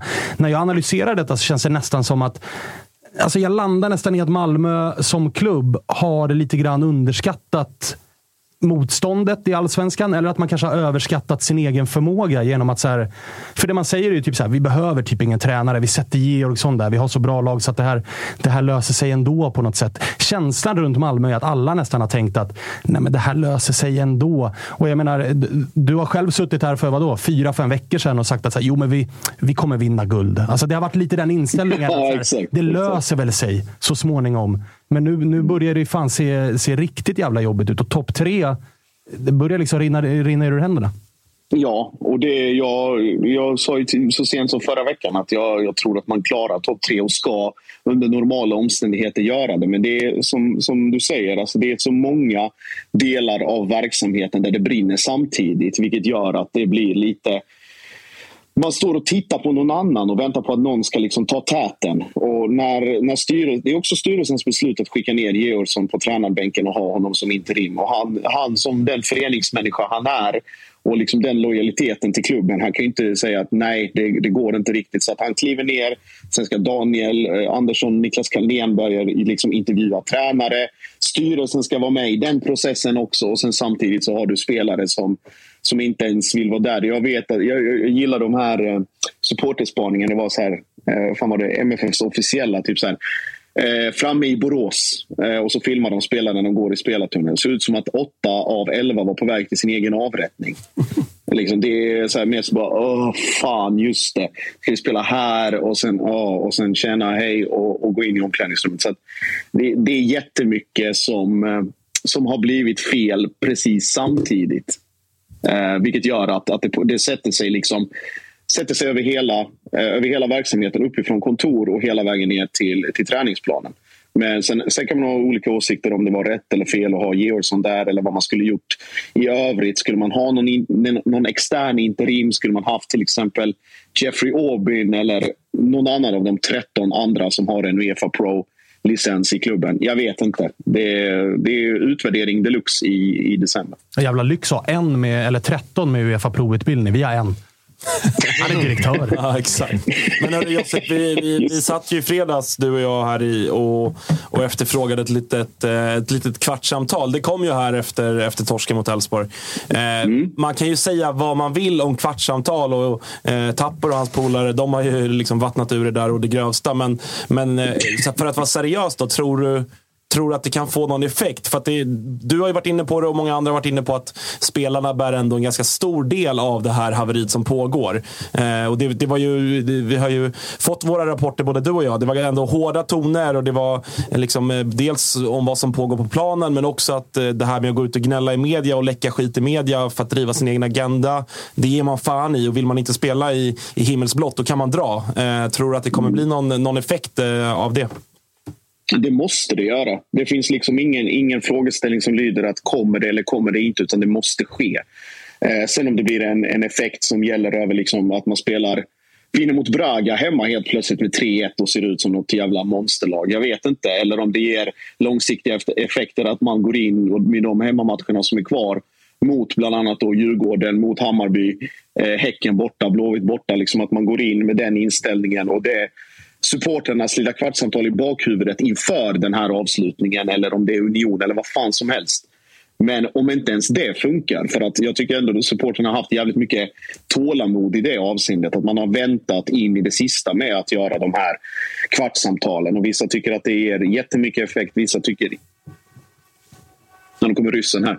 Eh, att, bli, eh, att, det liksom, eh, att, att de ger jättemycket effekt och vissa säger att det ger ingen effekt alls. Eh, jag, jag på den planhalvan som säger att det, det ger effekt men att det måste ske liksom med absolut bäst möjliga timing. Nu kanske det inte var efter visserligen 3-2 mot Elfsborg och skrika på dem efter slutsignal. Man kanske kunnat vänta till dagens träning eller någonting sånt. Men att, att påminna eh, spelarna och ledningen om att till syvende och sist att vi åker överallt för att titta på er och när ni inte ens kan, kan prestera 30 stabila minuter i rad, då är, det liksom, då, då är tålamodet slut.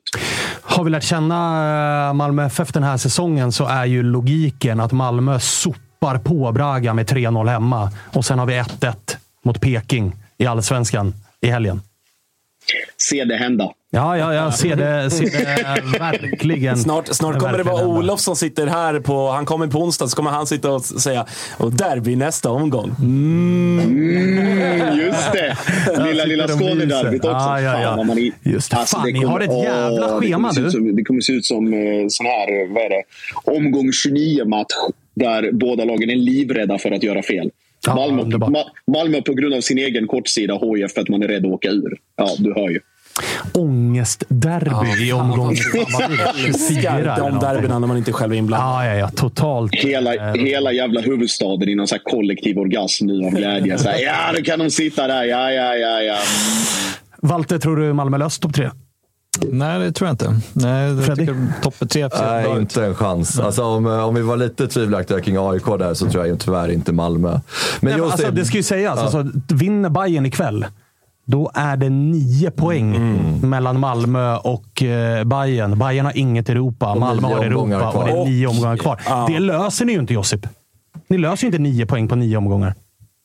Ja, det är väl turen att vi möter både Djurgården och Bayern då. Ja, men sen är det AIK däremellan också, som ni också ska passera, som ni inte har kvar hemma i omgång 27, som ni brukar ha. Där ni vet att Vilka sa du? Häcken? AIK. Att, AIK, ja just det. Den är inte kvar, nej. nej.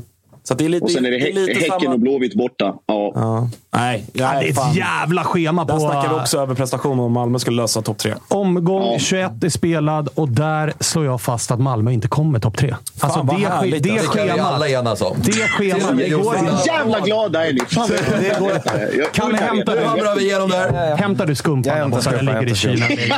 Det kändes som hela supporter-Sverige satt och mös igår. Alltså det, det där är ju Malmö välförtjänt av. Alltså. Verkligen. Alltså. Det, snack, snacka om bortskämd publik. Alltså när man, man vinner en titel det här året, spelar Europa League-gruppspel och det är liksom avgå, avgå alla stämningar i klubben. Alla spelare ska bort. De förtjänar inte den här tröjan. Nej. De står där med titel och gruppspel i Europa League.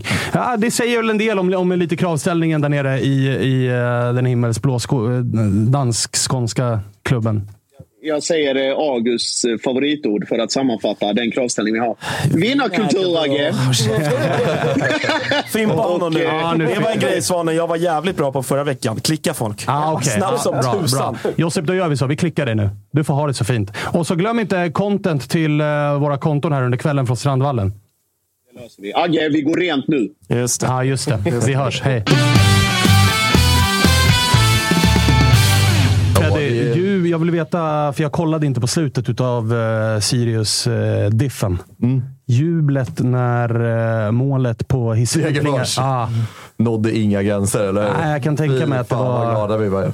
lite gåshud eller? Ja, ja, verkligen. Alltså, san, san, jag satt med och kollade dubbel, dubbelskärm då. Och så kom ju den 2-2an och, och man kände, känslan var ju liksom Sirius-Djurgården, den matchen hade kunnat pågå i tre timmar till. Sirius hade ändå inte gjort mål. Nej, de Djurgården hade- försökte bjuda på ett par gånger. Wikheim hade någon indianare där och Sugita kom fri och hej och hå. men- Ja, och Widell körde UFC på någon, men så det att spelar de, roll. kunde, de hade aldrig gjort mål mot er. Men det, det var ju så här sista omgången-känsla Ja, igår. När man så stod på. Alla stod med sina telefoner och bara nej, Jeremejeff igen. Lite de gör min- det där sista alltså för minuten, Djurgården. målet. Och, det, sen- men det sjuka är ju att efter Degens 2-2, jag vet inte om du såg det Walter. Alltså Häcken hinner ju på 30 sekunder vaska fram två super... Har de ett- har de ett ribbskott? Ja, de har ett och, ett typ, och ett typ friläge. Alltså helt sanslöst. Ett, eh, ett Det känns som att de kan- SM-guldvinnande lag gör ju mål där. Men det var så Ja, fint också på något kanske. sätt att höra. Det är väl de har gjort det i varenda omgång fram Ja, men det är väl det som är det fina. Jeremejeff efter matchen ändå typ gå med på att så här, vi får ta det här krysset. Ja. För att det är, Så här det är fan vi- tio matcher i år där de har rånat lag på, på, på poäng i, i sista minuten. Så det ska de fan ha. Eh, hörni, vi släpper matcherna som har spelats och fokuserar lite på det som komma skall. Josip, eh, vi lämnar det till Mjällby eh, Blåvitt. lämnar vi till honom där nere. Eh, så får vi höra mer om det i veckan. Men det är ju eh, peking bayern idag. Vad eh, har vi att eh, vänta oss? För att vi ska ha med oss att det är ett derby i helgen. Jeppe Andersson är tillbaka från avstängning, men det är ju typ 100 spelare i Bayern som riskerar att missa derbyt. Ja, det, står, det är väl fem spelare tror jag. Båda ytterbackarna, Bojanic eh, och eh, Pinas som mittback. Kurtulus också som mittback. Eh, Men Och andra Saidi va, tror jag. Ja, ex- ja, men- ja, jag jag har sett det också, men det har jag också hört att han kanske klarar sig på grund av de här tio matcherna. Ja, den är så jävla rörig den. Jag, jag är inte säker, men, men han, är, han är en gränspuck. Det är Okej. lite, lite oklart. Svensk Okej. fotbolls hemsida funkar inte heller som, Nej. som bekant. Så det går inte att liksom få någon vettig Man, blir, alltså man gillar ju att den regeln har kommit. För att den här Ja, tre det- Mm. gula kort har ju varit hädiskt. Jag, Vi kommer ju ihåg AIKs guldår 2018. Nej, Kristoffer Olsson Ja, Kristoffer är Olsson avstängd i sista omgången för att han tar sitt andra gula i omgång 29. Då fattar man ju att så här, det är något fel på regeln. Mm. Och så ändrar de till det här. Men det finns inget system som har riktigt... För nu går man in och kollar bara statistik och ser att så här, Saidi, två gula. Okej, men när tog han dem? Har det Mm. gått tio? När var det det skulle gå tio matcher? Man fattar inte riktigt. Men det är i alla fall... Alltså, Ja, det är många som många. avstängning, men, men å andra sidan, eh, med, med tanke på det spelschemat vi har, alltså, folk kommer bli avstängda. Så att jag tror, eh, visst, matchen mot Djurgården är, är viktig såklart, men, men det är även Häcken och Malmö som kommer därefter. Eh, så att, det kommer bli avstängningar, det är oundvikligt. Och jag tycker vi, det, är, det är ytterbackarna som känns jobbigast. Kurtus tycker jag gärna får bli avstängd. Det känns som att det, det är läge att vila honom lite nu. Ända sen, sen landslagsuppehållet så har han inte han riktigt var, varit eh, den mittbacken var fram tills dess. Men, eh, men vi har ju så här, om, om Kurtus blir avstängd, ja, men då kan Pinas gå in. Och om Pinas blir avstängd, ja, då har vi Kurtus fänger förhoppningsvis. Det är väl bra om, om, båda, om, om inte ba, både Pinas och Kurtus blir avstängda naturligtvis. Men, men annars så är, så är det ytterbackarna där det, det är lite tunt. Men, men i övrigt så är det en, en liksom, full trupp i stort sett. Det är ju fortfarande eh, Sadiko som, eh, som inte är med i truppen då, på grund av... Ja, han är tillbaka i träning nu i alla fall, så att, eh, vi kommer väl se honom mer det här året. Men i övrigt så, så är det ju mm, det gäng som har... Det, det är tre långtidsskador, men, men de lär vi inte se något mer. Men tycker du att eh, Marti bör ha de här avstängningarna i eh, beaktning? Nej, nej, jag tycker inte det med, med tanke på att, eh, alltså, som jag sa inledningsvis, här, att det känns som det är seriefinal hela tiden. Vi måste vinna matchen mot Norrköping och sen så måste vi vinna mot Djurgården och sen så gärna mot Malmö och Häcken också. Så att, eh, nej, det, jag- tycker det, blir, det, är fel att rotera en sån här match. Alltså det, de här tre poängen måste in, särskilt nu när vi har liksom facit att Djurgården vann. Visserligen tappade Häcken en poäng, men eh, AIK vann. Så att, eh, alltså, vi, vi måste ju hänga på. Vi kan inte liksom, eh, inte spela bästa laget i den här matchen. Men säg det var att skillnad typ, in, inför eh, match mot AIK när vi mötte Degerfors innan. I den matchen kunde vi ha avstängningar, men nu är det ju liksom topplag hela tiden. Men säg att typ, för att jag menar, skulle, skulle säg att Pinas drar på sig ett gult kort. Är det inte då läge att byta av Jas? Givet så här, säg att visst 0-0 och 10 kvar, skitsamma. Men jag menar i matchminut 55-60. För att går, blir både Pinas och Jas avstängda, då finns det ju ingen. Nej, är du med? Att, så ja, man, man, bör nog ändå kunna ja, man, ha det i beaktning under matchen. Ja, man får, precis. Man får fundera under matchen. Men, men samtidigt, eh, och, och, just för att, som du är inne på, att inte båda två ska bli avstängda, men att det kommer komma avstängningar. Det kommer ju, så att vi kommer ju liksom, alla de här matcherna så kommer det vara okej, okay, en av nyckelspelarna är borta, men, men, men så är det ju slut på säsongen. Vad eh, tänker du annars då kring, eh, kring Peking borta? Nej, men som vi sa, så, så, historiskt sett så är det en match som Hammarby har väldigt svårt för. Det, som där vi förlorade 2010, sen när vi kom upp i allsvenskan har vi förlorat varje gång vi har varit där, känns som, eh, förutom då 2020. Men så det, det, känns ju som en jättesvår bortamatch. Så det, det, är en väldigt speciell situation, för nu känns det som alla topplag åker och hämtar poäng på, hos Peking borta. Så att, eh, ehm, med det sagt så, så, måste vi också göra det. Och det, det känns ju som, ehm, om vi ska vara med och vinna guld, då, då måste vi klara av att vinna de här liksom, svåra bortamatcherna. Eh, så det, det, är bara, det är bara vinst som gäller. Det är inte läge att spela på några kryss här, utan vi ska ha tre poäng. Och tror du att det kommer bli eh, några liksom överraskningar i elvan, eller kommer det vara the usual suspects som, eh, som startar för Bayern? Nej, det, det är väl eventuellt då, kanske om, om Kurtlus ska, ska få smaka bänk. Men jag vet inte om jag tror det. Men, men, men det känns ju som... Marti har ett högt förtroende för Pinas. Han fick ju komma in mot AIK. Så jag skulle gärna se Pinas och, Kurt, eller och Fenger som, som mittbackar. Eh, sen är det ju återigen vänsteryttern som är liksom svaga kortet får man säga. Jag tycker inte Said han har gjort det bra på hemmaplan ett par gånger men samtidigt har han blandat gett rätt mycket. Men å andra sidan så Travalli, han spelade i kuppen här i veckan och, och gjorde ingen vidare match. Så att, eh, han har inte heller presterat. Så det, det, är väl eh, Saidi som startar. Och sen så lär väl Ludvigsson vara fortsatt given. Han, han har ju verkligen blandat och gett. Ja, det får man lov att säga. Ja, eh, och, och det är nog inte Ludvigssons fel utan det är nog att han inte riktigt passar in i, i Martis spelsätt. Ehm, men, men han har ju samtidigt, han står på typ 9-10 mål.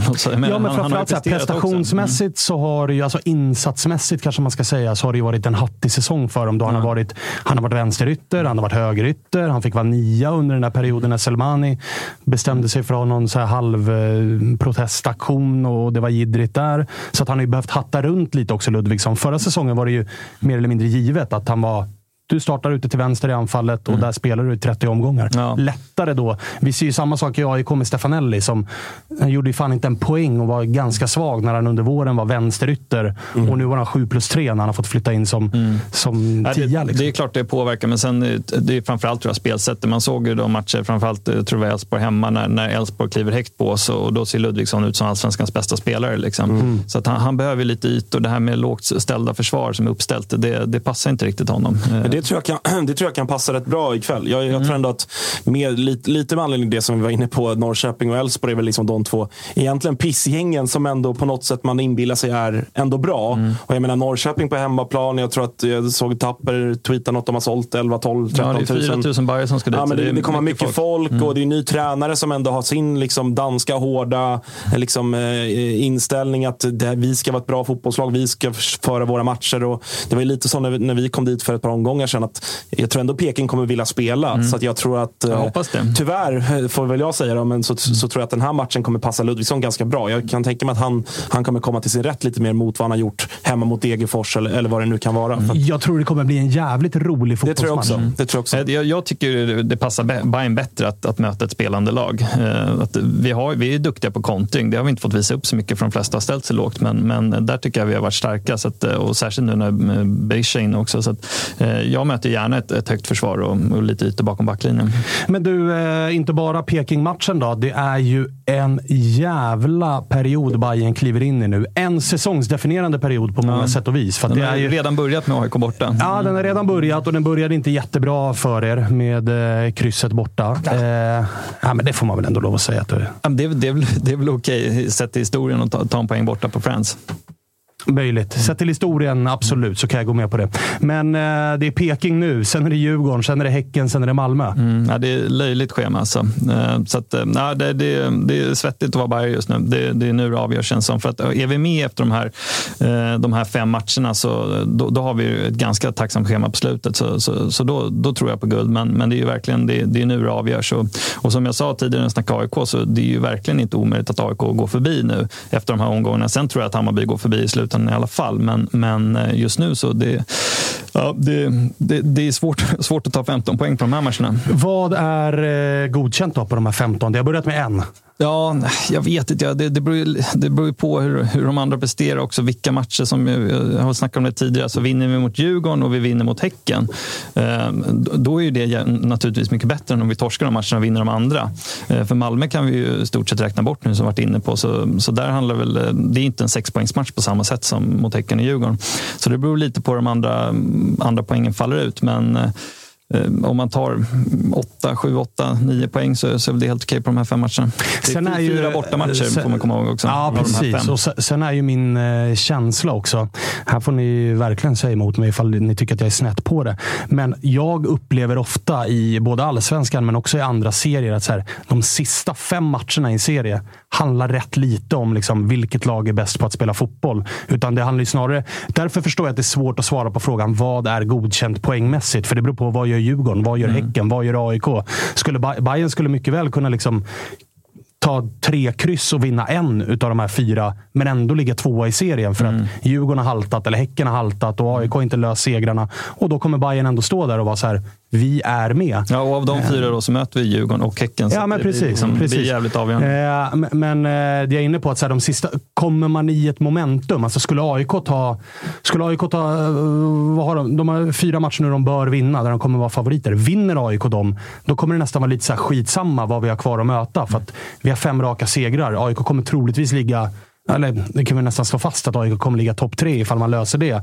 Då blir man livsfarliga oavsett vilka man möter, för man hamnar i det här momentumet. Ett momentum som Djurgården har varit inne i nu, där det är så här, skitsamma om det är Apoel eller om det är eh, vilka det nu än är. Man går bara ut och vinner matcherna för Ja. att man är inne i zonen. Och då får man ju jävla skjuts. Och det är också de här säsongsdef- nu, här, vi, här, vi Ibland pratar vi om säsongsdefinierade ögonblick. Eh, vissa har lite svårare för det, vissa gillar det.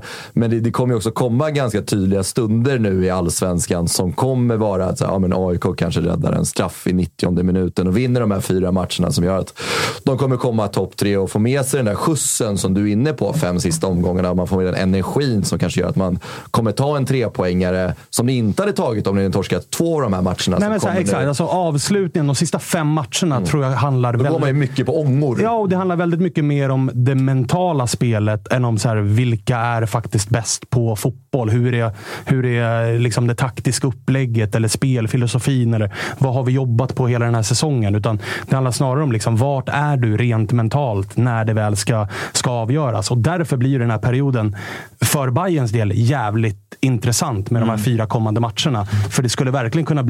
Alltså, gå- ta Bayern tre vinster och ett kryss på de här fyra kommande. Då är ju Bayern guldfavorit. Ja, ja, absolut. Ja, det, det håller jag verkligen med om. Att, eh, och det känns ju skönt nu. Nu är ju i stort sett eh, fönstret stängt, så att vi, vi kan väl konstatera eh, med stor sannolikhet att vi får behålla truppen också. Det har ju varit lite snack om, om Jahas som vi har diskuterat tidigare. Turken har fortfarande öppet. Ja, jo, jag vet. Och det finns och även Serbien tror jag. Så att det, det, ja, Röda stjärnan där. Exakt. Ja, Milos. Han är Milos favorit. Men, men jag kommer ihåg vi snackade om det när han, när han skulle vara kvar. Eller det, det tydde på det att båda ni var ju inne på att, att eh, det är dags att skeppa honom för att det, det är inte vettigt att ha kvar den typen av spelare. Men, men sen dess han har ju ändå gjort eh, några poäng sen dess. Så att, eh, han har ju varit rätt vital i spelet och, och det har ingen ersättare. Så jag hoppas ju att, att han är kvar nu inför guldstriden. Ja, och supportrarna har ju glömt det också. Ja, glömt är det inte, men, men man, neutral. man, accep, man accepterar hans prestation, så är det ju. Liksom. Han, han är ingen favorit, men, men han bidrar ju. Så att, eh, han behövs. Fan, alltså, jag- jag- Man har ju accepterat att det är en jävligt bra legoknäckt. Ja, men han exakt. kommer ju aldrig få... Nej. Han kommer ju inte stå längst fram i ett guldled och vara liksom det Kennedy var när ni vann guld Han har nio senast. matcher kvar i tröjan. Ja, men alla vet att det är nio matcher till. Och Gör, sen- gör det du kan. Ja. Men jag tycker det är skönt, eh, apropå snackade om, att, att man inte sett liksom, eh, det som, som ni var oroliga för, att, att, liksom, att han viker ner sig nu. Och, liksom, utan han har ändå presterat på, på den nivå som han hade även innan det här eh, tjafset kom. Så att, eh, Ja, det var synd den där. Var det borta mot Blåvitt att han var bra där?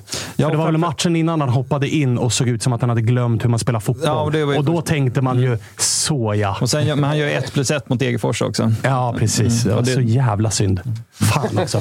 Men Walter, så här, om, om vi ska liksom bara ta på oss supporterhatten liksom, och liksom så här lite hur man pratar kring liksom Hammarby, dels i Stockholm men också i så här, svensk fotboll generellt. Liksom, att ni är en förening som kanske inte klarar att liksom löpa hela linan ut. Och det är liksom, vi har pratat lite om ja, förlorarklubb. Men Du, du förstår vad jag menar. Eh, jag, jag tycker att det kan ju också bli definierande för Hammarby framåt om de här fyra matcherna. Tänk om ni skulle gå och vinna de här fyra matcherna.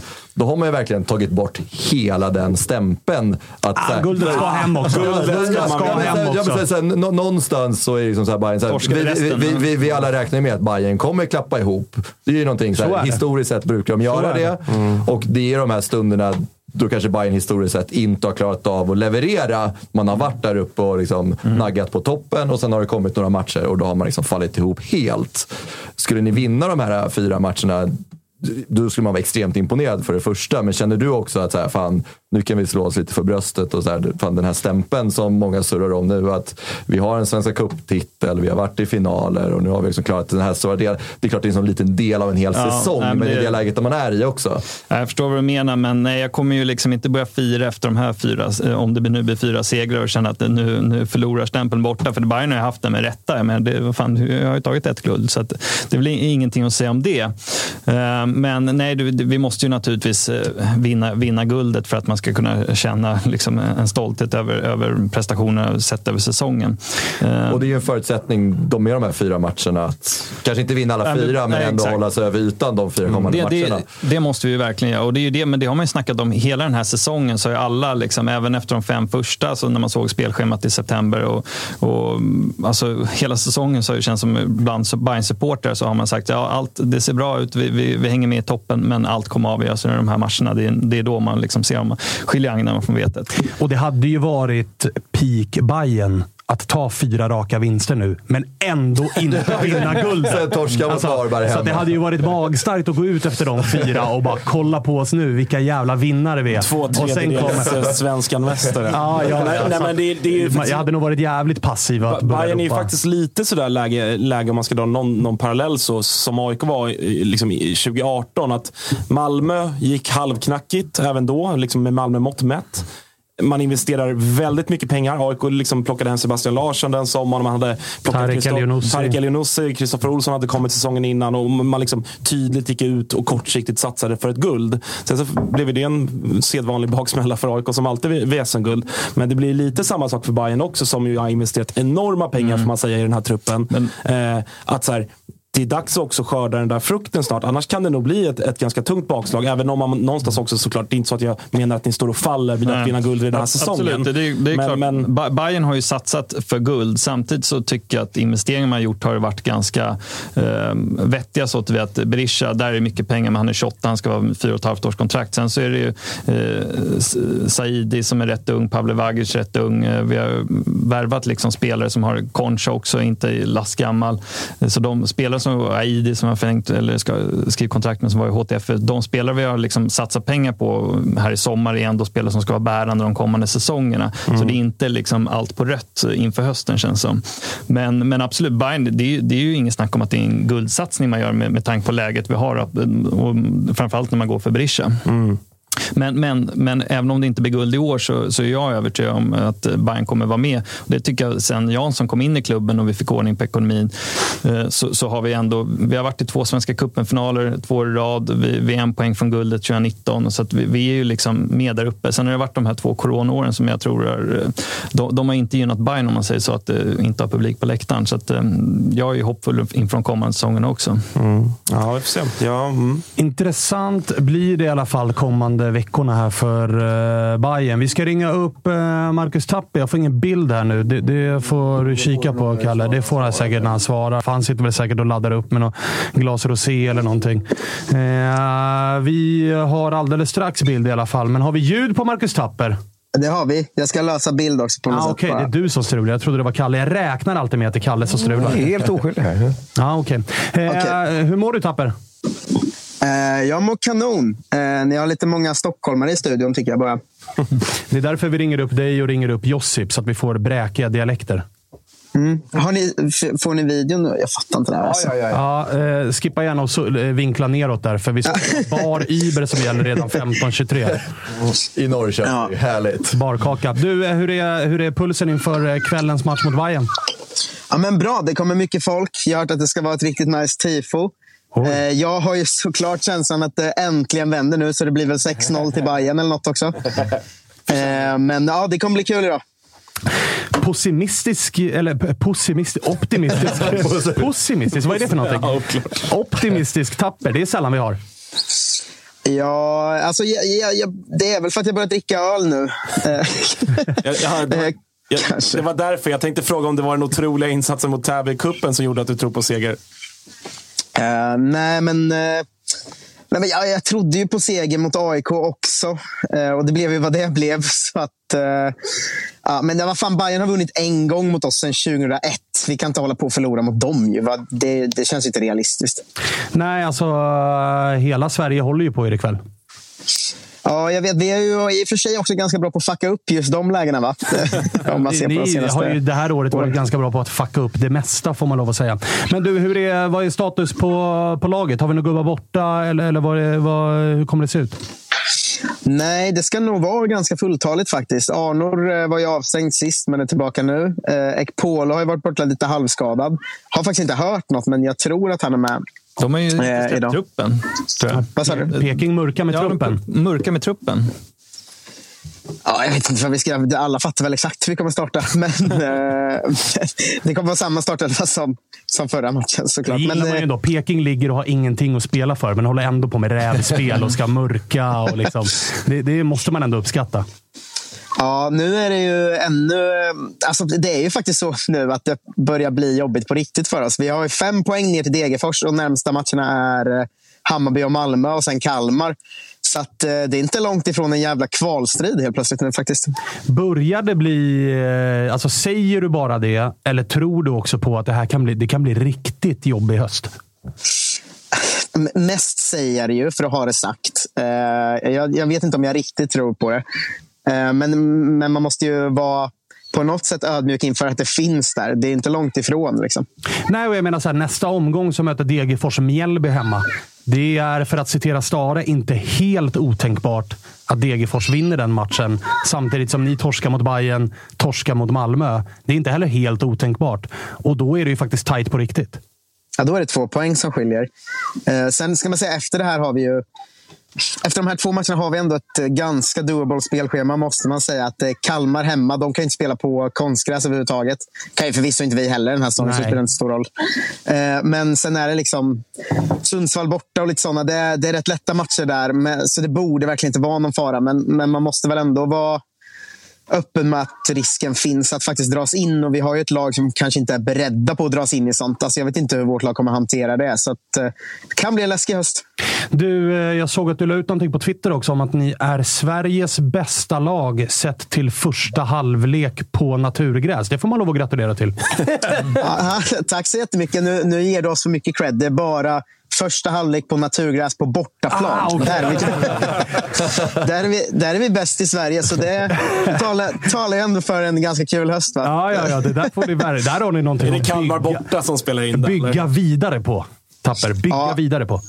Ja, alltså det, det, är mycket som spelar in. Vi har ju Degerfors, Varberg och Mjällby borta leder vi ju. Men sen, vi är väldigt dåliga på att inte släppa in 1-1 i andra halvlek, men det tar vi inte upp så mycket. Nej, vi, vi är bäst i Sverige på första halvlek på bortaplan på gräs. Det ska ni fan ha era jävlar. Ja, härligt. Men du, eh, jag måste bara fråga. Nu har han ändå varit vid rodret här ett tag, Glenn. Mm. Vad, vad, vad, börjar du liksom landa i? För, för nu börjar det bli vardag. Nu är det inte bara nytt och, och spännande och hela den här grejen. Nu börjar det ändå bli, bli vardag med, med den här danske Glenn som, som tränare. Vad, vad, landar du i för känslor kring honom hittills? Jag tycker han verkar kul och soft och smart. Sen har spelet inte visat riktigt något än, men det hade varit idiotiskt av mig att sitta och säga något om det eftersom jag själv satt för två, tre veckor sedan i Tuttosvenskan och pratade om att det här är liksom en tvåårsprocess vi gått in i nu. Men spelet har inte visat så mycket än, men han verkar liksom vettig och uh, han ger mycket tid till Dino Saliovic. Och, som är en ung eh, egen talang. och sådär. Jag, jag, tycker det känns, eh, det känns kul än så länge. Sen efter tre förluster till får vi väl prata om det igen och se hur jag, om jag fortfarande har lugnet då eller inte. Ja, Okej, okay, men du är, ändå, du är ändå positiv inför, inför kvällen. För att jag menar, en seger här, och då, då, då kan du väl ändå andas ut ordentligt, eller? Ja, men vinner vi idag blir det SM-guld nästa år. Som vanligt.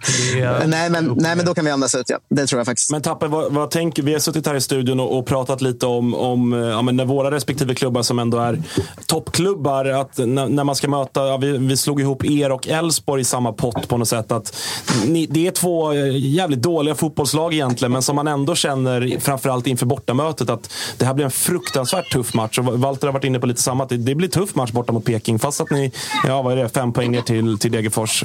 Känner du att det är en liksom rättvis bedömning eller överskattar vi Norrköping? Ah, ni överskattar väl oss eh, som det ser ut i år. Vi är väl 14 i allsvenskan på hemmaplan tror jag. Eh, det är fan otroligt. Alltså. Riktigt uselt. Ja, det är, det är bedrövligt. Alltså, vi är ju ganska bra borta, men... Eh, eller ganska bra. Fan vad jag tar i nu. Men, men, Topp 10 men, eh, för fan! Ja, jag tror vi är på nionde plats eh, i bortatabellen. Men hemma har vi ju varit bedrövliga år. Det är ju hemmaförluster mot Sirius och liksom... Varberg. Och, alltså, hemma, hemma är ju katastrof i år. Bra på läktarna, bedrövliga på plan. Så att, ja, nej, det, det ska man väl inte vara så jävla rädd för. Bayern, det är ju en skam om Bayern inte vinner med tre mål idag. Liksom.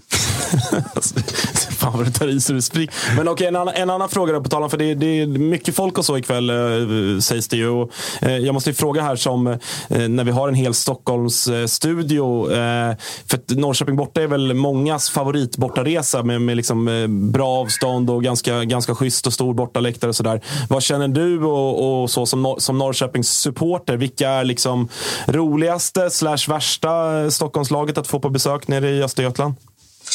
Alltså det är ju alltid roligt. Det, det, det känns ju som att vår klack vaknar av att det faktiskt kommer så många och det blir alltid bra läktarmatcher tycker jag.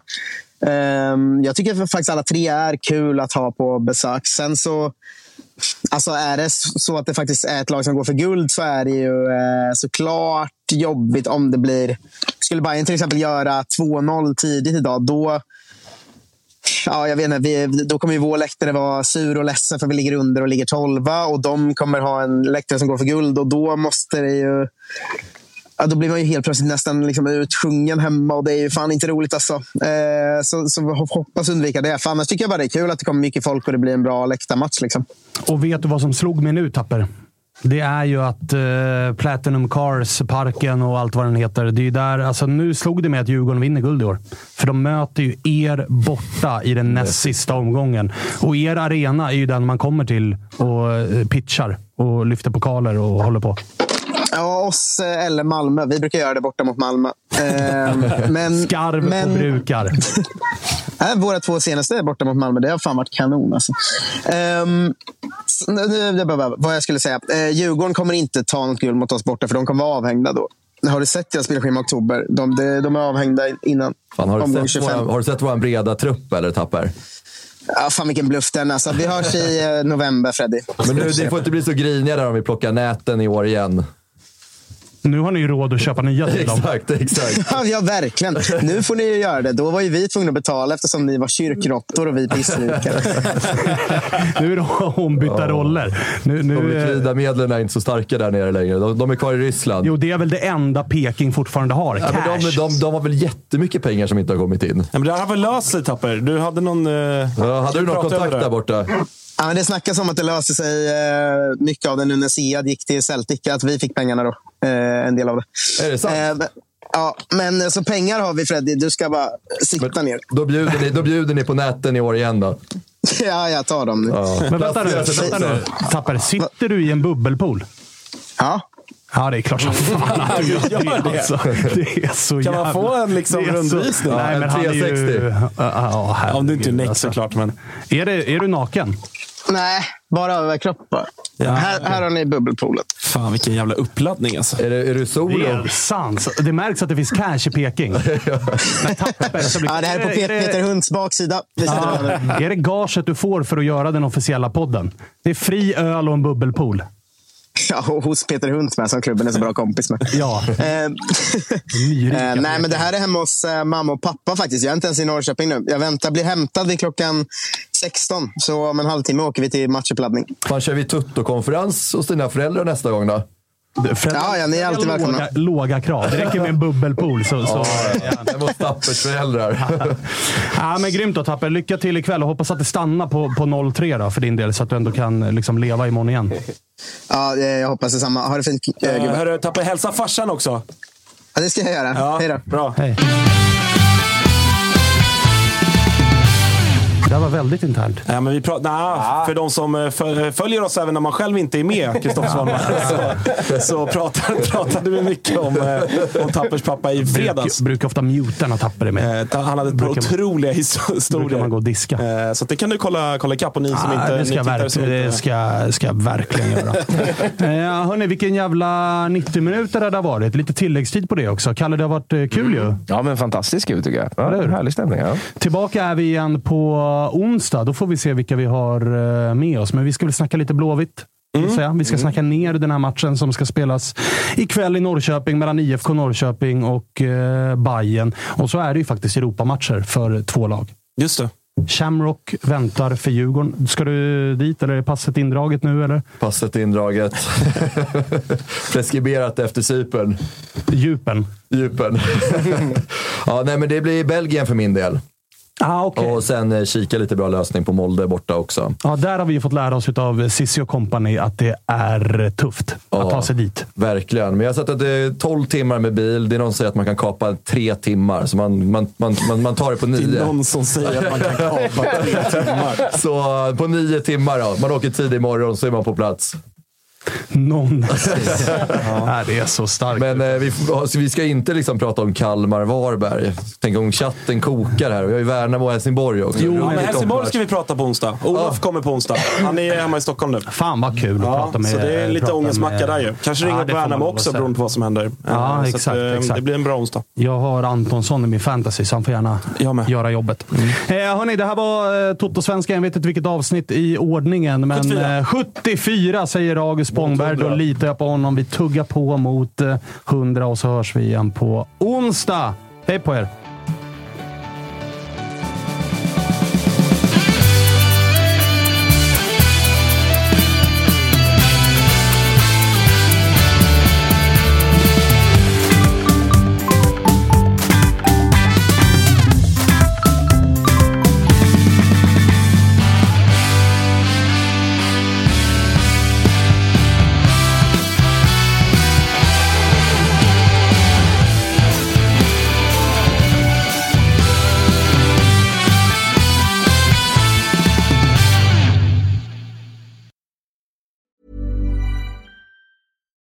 We're on a budget, we still deserve nice things. Quince is a place to scoop up stunning high-end goods for 50 to 80% less than similar brands. They have buttery soft cashmere sweaters starting at $50, luxurious Italian leather bags, and so much more. Plus, Quince only works with factories that use safe, ethical, and responsible manufacturing. Get the high-end goods you'll love without the high price tag with Quince. Go to quince.com slash style for free shipping and 365-day returns.